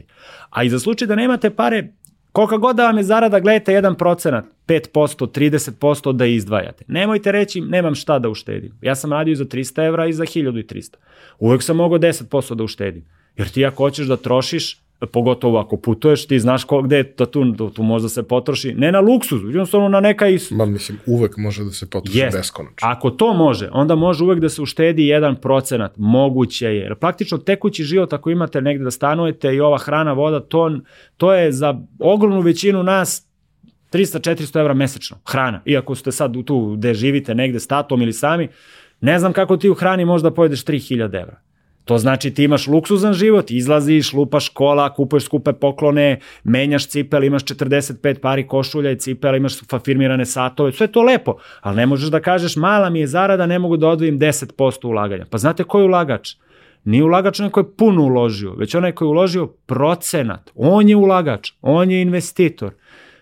Pitali su Warrena Buffetta, najvećeg investitora koji je sada u desetoj deceniji, pa to što ti radiš, kaže ulaganje na berze, pa to, to svi znaju, svi umeju. Kako to, kaže neko, ne kopira i ne obogati se kao ti? Pa kaže ima caka. Pa koja je caka? Pa kaže niko neće sporo da se obogati. Kaže ja sa imam sad 100 milijardi, ali imam 96 godina. Svi hoće da se obogate k quick rich scam sham. Znači to je moguće, ali je šansa za propast isto ogromna. A ako ti se desi taj zgoditak, koji je ono kao loto dobitak, on će ti više ukupne nesreće doneti nego zadovoljstva. Prosto to je neminovno tako. Ma uvek ima i taj moment da ljudi prosto ne znaju da cene novac do koga su došli lako. Apsolutno. Nisu morali da se potrude. Imate knjigu ovaj, Vuk sa Wall Streeta, koja je gledao film, ja sam čitao i sve knjigove od Jordana Belforta, možete da vidite kako to izgleda pročitajte knjigu, ima na engleskom, ima na srpskom, interesantna kako se, ne samo on ponašao, kompletno njegova ekipa, bankari, brokeri, kad su došli na te prevarne quick šeme, na te fore, pa, pump and dump, kako su uzimali investitorima pare i onda je to sve vredelo 0, 0, 0 i kako, šta su oni radili sa tim. Pa ima jedan slučaj jedne žene koja kad je radila, ne znam, za 2000 dolara, ona se racionalno ponašala, išla u park, šetala, ono, vodila računa. Kad je ušla u milione, počela se drogira, da lupa kola, raspala se žena. Znači, jednostavno to je prevazišlo njene mentalno, karakterno, psihološke mogućnosti i na kraju je izašlo na od do bolesti do perverzija, da kažem da je bilo dosta i smrtnih ishoda za te srećnike. Ja volim da zaradim više u mom biznisu. Evo ja bih volao da vi sutra kažete Nemanja, hoću da kupim 10.000 rančeva od, od nas. I ja kažem super, zaradit ću, tačno mogu da izračunam. I neko bi rekao brzo si zaradio ali ja sam spreman, ja 11 godina čekam tu zaradu i meni to nije nova okolnost. Ja svaki dan prodajem 2, 3, 5, 7 rančeva. Meni je to samo more the same. E, potpuno je drugi koncept. Ili u slučaju vašeg biznisa, javi vam se firma da im radite kampanju velika koja vam daje hiljadu puta više. To je isti model, samo vam se desila, vi ste infrastrukturno, mentalno spremni, vi poznajete materiju i kad vam dođu te pare, vi znate gde ćete, šta ćete, znate da nema, da nema, da kažem, nigde nema troška bez utroška. To nije neka kao reklami baka, to je stvarno tako. Stvarno je tako. Jer ako nema troška bez utroška, onda vi nosite neku, neku karmu, onda ste vi mismatched. Vi imate pogrešno očekivanje. Ako ti, ti završiš fakultet i neko ti kaže radit ćeš za 10.000 evra mesečno, to je pogrešno očekivanje. Ako te neko ubedi u to, on je napravio neupotrebljivo ljudsko resursno biće od tebe. To ne znači da ja mislim da si ti za manje. Ja samo hoću da kažem ponašaj se racionalno. Ako si za više, idi za više, imaćeš više. Ali ako imaš očekivanje pogrešno, druže, his mind is broken. Nema spasa za tebe. To je sve proces. Proces, proces tako je. Proces vreme. Tako je, Miniću. Nemanja, hvala ti.